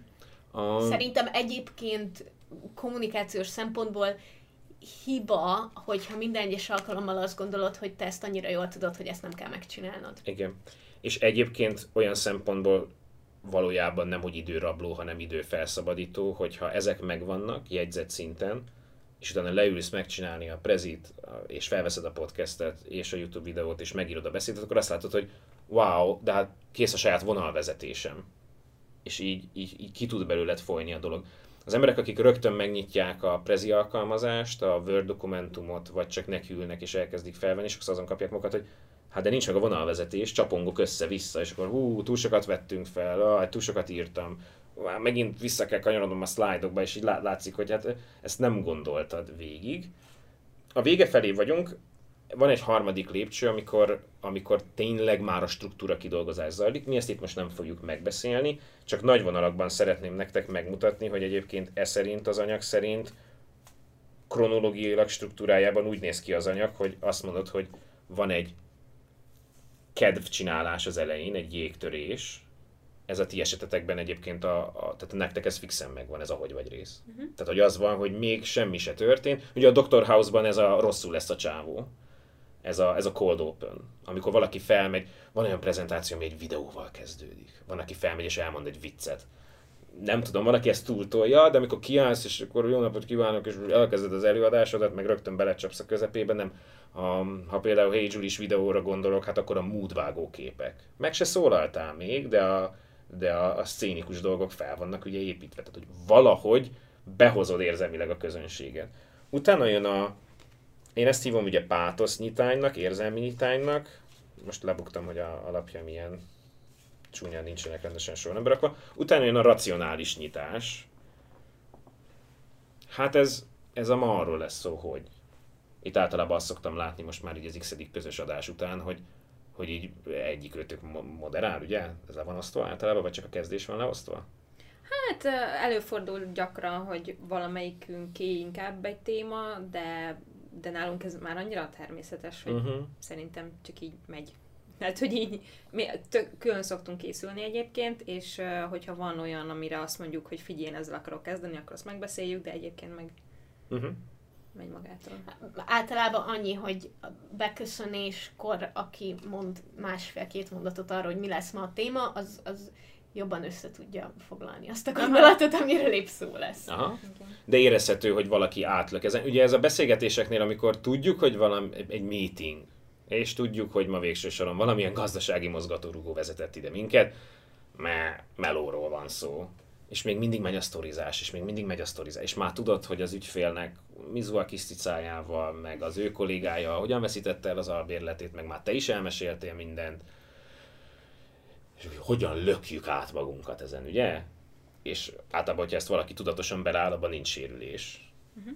Amikor meg nagyon mismásol, hogy épp hogy ilyen ragadósan átsúszunk, az nehezebb. Mindenesetre ezt a kettőt érdemes külön választani. Tehát, hogy elsősorban be kell, hogy ráncsolak érzelmileg ez lehet, hogy egy hogy vagytok, sziasztok, de jó látni ma titeket. Nekem például nagyon jól esik, ahogy engem köszönteni szoktatok, meg így befogadtok, tehát hogy az a, a párnacsatású vibe az így rákerül a vendégre, a többi vendég nevében nem tudok beszélni, valószínűleg átesnek ezen, és szerintem a közönségnek is tetszik, hogy na hát a lányok most befogadtak ma ide valakit, nem az van, hogy így leültettük és készítettük vele egy interjút, hanem, hanem elhívtuk ide beszélgetni. Utána mégiscsak meg kell ágyazni ennek, hát nem azt mondom, hogy szakmailag, de hogy tárgyát tekintve, és utána van az, hogy minek után már a struktúrát, ha nem is a struktúrát, de a mondani valót kidolgoztad, előveszed az előző fordulóban összerakott tételmondataidat, és azt mondod, hogy ja jó, hát akkor ezt kell megírni, meg ehhez rajzolok prezentációt, meg ehhez csinálok dolgokat, meg ezt vesszük fel, és így hirtelen ilyen könnyedé válik a dolog, és aztán zárásnak meg ott van a, a konklúzió,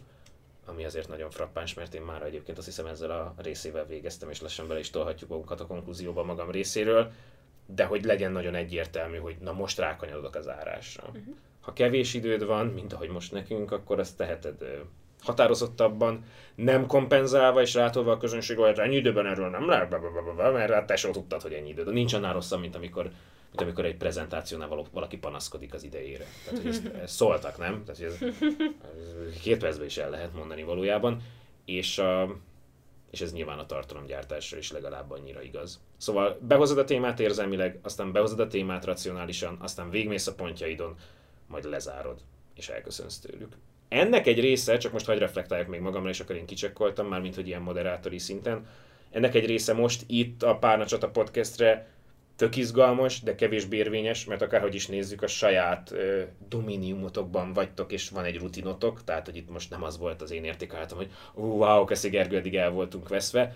Remélem, hogy a közönségben van, akinek ez segítség a saját, akár szakmai, akár tartalomgyártói, vagy nem tudom, következő családi összejövetelen senki nem mer pohár köszöntőt mondani, pedig basszus karácsonykor amúgy tök jó lenne, ha legalább egy ember felállna és azt mondaná egy pohárral a kezébe, hogy basszus, mondok Milyen jó volt a céges buli tavaly, nem? Pont ez jutott eszembe! jó, kellett hozzá egy kis alkohol, de hogy ott, ott, ha még nem hallottátok a sztorit, tavaly ugye csináltunk karácsonykor egy hát a barátokkal egy bulit, de céges bulinak hívtuk, mert majdnem az összes barátunk ilyen léhűtő vállalkozó, úgyhogy senkinek nincs céges bulia, és ott például egy bizonyos idő után mindenki mondott egy évösszegző beszédet a saját évéről, és, és szerintem barom jó volt. Igen. Igen, és ezt Gergő vetette fel, és moderálta le, és fantasztikus volt. De azt gondolom, hogy, hogy végső soron egy ilyen, egy olyan környezetben is, mint amiben mi vagyunk, hogy nagyon otthonosan mozgunk, és már nagyon természetesen, és mit tudom én, a, ezeknek a tudatosítása is tud már magabiztosságot adni, ami pedig még csak hozzátesz ehhez a, ehhez a kényelemhez, amiben vagyunk. Azért tetszik nagyon, ahogy most ezt Viki mondta, mert a konklúzióval kapcsolatban nálunk az úgy működik, hogy igen, vannak epizódok, amire kevésbé készülünk feljegyzettel, van, amire nagyon felkészülünk jegyzettel, van, amire nagyon sokat utána nézünk, meg kutatunk, meg olvasunk, meg minden.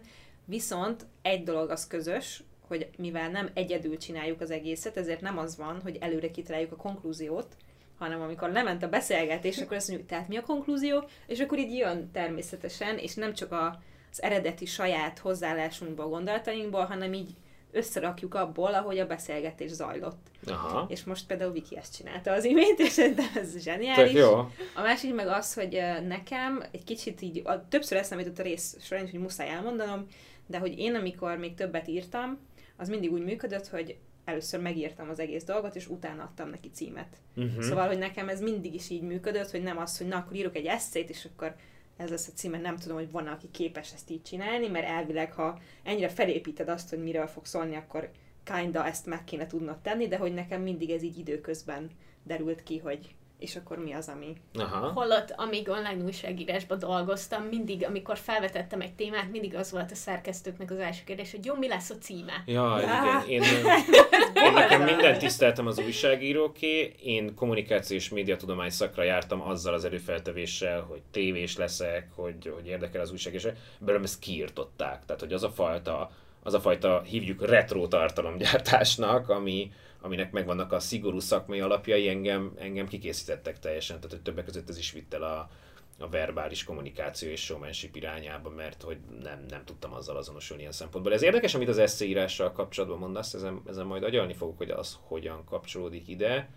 Ami nekem még tök fontos, hogy kihangosítsam, hogy, hogy az a fajta dominancia érzet, és nem a mások kárára domináns, hanem a glowing, hogy én most jól vagyok a bőrömbe, érvényesültem, azt mindenkinek felírnám receptre. Az, hogy tenni kell érte, de nem azt kell tenni érte, hogy legyek szép és hangos, meg lenyűgő, nem, nem ezt kell tenni érte, azt kell tenni érte, hogy leülsz és csinálsz ilyen jegyzeteket magadnak, és utána kitolod magadból, és igyekszel meggyőző lenni. Nagyon érdekes azt látni, hogy alapvetően saját magukat visszahúzódó, szerény embernek gondoló karakterek, amikor megélik, hogy milyen az, hogy érvényesültem egy meetingen, megélik azt, hogy na most végre egyszer a rohadt életbe végigmondhattam, az olyan elképesztő löketet ad, hogy egy kicsit narkó lesz és rákap erre az ember, és azt mondja, hogy ja jó, hát akkor igazából akarok felszólalni a meetingen. Nem azért, mert mostantól megváltoztam, és egy nagy pofájú ember vagyok, de hát érvényesülni mindenki szeretne. Úgyhogy ha, ha valamit, és nekem ez az erőltetett saját konklúzióm, de aztán nyitott vagyok persze a kollab, kollab konklúzióra. jó, jó, jó, hangzik hogy, hogy, hogy Léci, akinek ebben nagy rutinja van, és, és nagy dumás, az, az zabolázza magát, mert nagyobb a sikerélmény, hálás a közönség. Ha csak két perccel hamarabb befejezed, fú, de fognak örülni. Hát mennyibe imádtuk a gimibe azt a tanárt, aki be tudta oh. hamar. Ne haragudj, mert a legtöbben viszont túltolták. És az előadó is nagyon sokszor ott vagy egy konferencián, és a még ma van... nekem szól, nem nektek. Uff, na azt nem és hogy így az van, hogy le tudod nyűgözni a közönséget, ha egyel hamarabb befejezed. Ha meg be vagy szarva, és van egy kapaszkodód, és az segít, és utána már nem a pírre az arcodon, meg a szorongásaidra gondolsz, hanem hirtelen a kommunikáció már önmagáról szól majd, hogy itt nekem küldetésem van, én ezt szeretném kifejezni. Én tényleg azt mondom, hogy az emberek az élete egy kicsit megváltozik. Nagyon köszönöm, hogy itt lettem, lányok. Szuper volt. Remélem, ha csak egy valaki lesz, aki ezt értékeli majd, akkor én értékeltem úgy, hogy egy már volt. Nagyon szép, igen, és uh, ezt meg a többieknek mondom, hogyha legközelebb láttok valahol, akkor nyugodtan mondjátok el, hogy hajrá párna csata, mert az így mindig nagyon feldobja a, a kedvemet, és most legutóbb különösen sokat jelentett, mert új ügyfél, új környezet, ráadásul, ráadásul uh, a szereplők egy része abszolút erősítette a komfortérzetemet, egy része meg nagyon nem de onnantól kezdve, hogy az első élmény az, hogy Hello Párnacsa, tehát konkrétan otthon voltam. Onnantól úgy képzeltem el, hogy itt mindenki hallgat titeket, tehát megjöttem. Úgyhogy ez a valahonnan kiszúrtalak, ez normalizáljuk ennek a, ennek a részét, hogy hello, láttalak, hallottalak. Igen, abszolút. Abszolút. Gergő, hol találhatnak meg téged a hallgatóink? Nagyon szép, ez ugye a konklúzió rész, mm-hmm. meg, a, meg a call to action. Én a Gergely Metodika vagyok Instagramon, és közös baráta... Ja, hát te is itt ülsz, te jó ég. Most majdnem elkezdtem rólad mesélni. Szóval, hogy gyakorlatilag mind a, mind a három szereplőt ismeritek, mert hogy Adrival is találkozott már a közönségetek, Kacival nyilván, te meg te vagy, de hogy holnap reggelig kell, hogy eljussak oda, hogy az első pillér tartalmaim megvannak az induló TikTokomra, az meg vagy Mr. Metorika lesz, vagy Gergely Metorika, és ott is megy tovább a, a, a retorikának, a, tehát az önkifejezésnek az elemzése. Mindegy, hogy ez egy márka, cég, ez egy csoport, cégen belül, prezentáció, mindig mondani kell, mindig artikulálni kell. Ennek vannak veszélyei, ennek vannak izgalmas részei, de hogyha nagyjából olyan, mint minden más szenvedély, hogy belefektettél energiát, akkor vissza fog adni. És szerintem ez, amit mostában kezdek megérteni, hogy rengeteg ember attól szenved nagyon, hogy nem látja be, hogy a kommunikáció az akkor is az életed része, ha azt hiszed, hogy közöd nincsen hozzá. Érhetsz bármilyen puritán életet, ha egy picit is kapcsolódsz a társadalommal, tehát az egyetlen ember, akinek nem kell retorikát tanulni, az a remete. Tehát, hogyha egy farmon élsz fenn, meg egy barlangban, meg nem tudom, és nulla kontaktod van más emberrel, azt nem tudom, hogy a lovakkal hogyan kell bánni, meg, a, meg az egyéb lényekkel, az, az egy másik kérdés, de abban a pillanatban, hogy van csak egy ember, akivel időnként kommunikálnod kell, akkor ez így feladat az életben. Nagyon szépen köszönjük neked, hogy itt voltál, és hát természetesen várjuk a hallgatóknak a... Most miért szégyelted el magad? Ja, olyan pici lettem, nem tudom, én jól érzem magam nagyon, és csak így ilyen, ilyen vicces volt, és ilyen... Ah. Hát tudjátok, az ilyen megbűrizgált, megszeretgetett ember is így összemegy, tehát hogy ez nem Jó, a... ez így igaz. Közelítettél egy kicsit a magzatpózhoz, ah, ilyen, ott, ilyen otthonosan így. Igen. Igen. Szóval a Facebook csoportban abszolút várjuk a reakcióitokat erre az epizódra, és én nagyon kíváncsi lennék, hogy vajon hallgatók közületek ki milyen helyzetbe fogja tudni, vagy tudta már, vagy, vagy tervezi, hogy alkalmazza ezt a módszert. Meg ha van tapasztalat, sérülés, kudarc élmény prezentációval kapcsolatban, hogy összekötöttük. Szép. Na, itt se vagyok. Azt hittem át fogod venni a Facebookos szöveget, Viki, és már egy pillanatra megijedtem. Szóval, ha nem vagytok még a tagjai a Facebook csoportnak, akkor... Visszavette. Ez most egy kézmozdulat volt, amit ti nem élvezhettek. Sajnos, akkor Parancsata néven megtaláljátok Facebookon, és három kérdésre válaszolva tudunk benneteket beengedni, illetve anonim módon is tudtok kérdezni a csoportban. Ha pedig e-mailt írnátok nekünk, akkor ezt a párnacsata podcast gmail.com címen tehetitek meg, és hogyha támogatnátok a podcastet, akkor a patreon.com per párnacsata oldalon havonta néhány dollárral hozzájárulhatok ahhoz, hogy minél több és jobb epizódot készíthessünk nektek a jövőben. Most elmegyünk egy pici szünetre, megvárjuk, míg Juechi... Bővüljön a csapat. Ah, de szép, ah, de szépen mondta, nekem, nekem csak ilyen nagyon csúnya kifejezések jutottak a, az eszembe a lepetézésen kívül az összes Oh ilyen God, nagyon, nagyon nem ideillő dolog. Amíg bővül, bővül a csapat, és Tobo- bővül a család, úgyhogy most, most mindenki egy kicsit erre fog koncentrálni, de... Mondtad már neki, jövő- hogy osztódik? Nem. Az, az még jó. nem, nem osztódik, mert saját személyisége lesz. Jesus, jó. Okay. És nyolc évadot megélt? De jövő év elején Az van, hogy ezt még nem beszéltük meg, de nagyon örülök az, a, a pozitív hozzáállásodnak. Ezt A, majd- arra, majd arra meglátjuk. gondoltam, hogy a jövőre az első negyed évben azért már fogunk találkozni. Nem, azért ez így vállalható. Azért már amikor négy hónapos lesz, addigra már Addigra reméljük. már hagyja, mit Jó lenne. Oké, Igen. oké. Légy szíves, szedd össze magad. Igen, igen. Van egy négy hónapos gyerek a környezetemben, nem mondanám, hogy jár, beszél és egyedül fűzi be a cipőjét, de meg, Miért nem? meglátjuk. Sulit választottatok Hát, már neki egyébként? Azt egyébként már biztos De, de őszintén szóval nekem az is elég, hogyha nem tudom, teljes nyugalomba problémamentesen másfél órán keresztül szopizik. Mert akkor közben fel tudjuk venni Jó, megmond, megmondom neki. Ez amúgy szinte nagyon egyszerű, igen. Közben tudok majd mosogatni. Szóval hogy ezt majd Ez, az, megbeszéljük. azt gondoltam én is. Tehát, hogy nem, akkor Meg- alszol, amikor a baba Viki, most kell bedobni, mosogatsz, hogy te is amikor mosogatsz. mosogat, mosogat. így van. Igen. Igen, Szóval nyilván ennek ki kell alakulni, ez, ez mindannyiunk számára egy teljesen új élethelyzet lesz, viszont abszolút szem előtt fogjuk tartani, hogy amint lehetőségünk lesz rá, és viszonylag kis áldozatokkal vissza tudunk térni, akkor vissza fogunk térni. Szóval nincs vége a Pánlista Podcastnek. Szerintem maradjunk ennyivel, jó? És aztán majd meglátjuk, hogy hogy alakul, de nyilván a csoportban fogunk majd erről értesíteni benneteket, ami meg amúgy is fog addig is működni, mert nagyon kis aktívak vagytok benne nélkülünk is, úgyhogy ilyen. És köszönjük szépen, hogy velünk voltatok ebben a nyolcadik évadban is, és hamarosan találkozunk újra. Boldog karácsony, boldog új évet, um, Hanuka? boldog Valenti, hát majd meglátjuk, Hanukát, Ha, igen, Mindent. Boldog boldog ünnepeket. Mikulást, Minden boldog kedvet. Vagy ja, ja. Szép életet. Az nem jó, az nem jó, mert az túl végleges. Amíg, amíg legközelebb nem találkozunk, addig Sziasztok! sziasztok! Hello!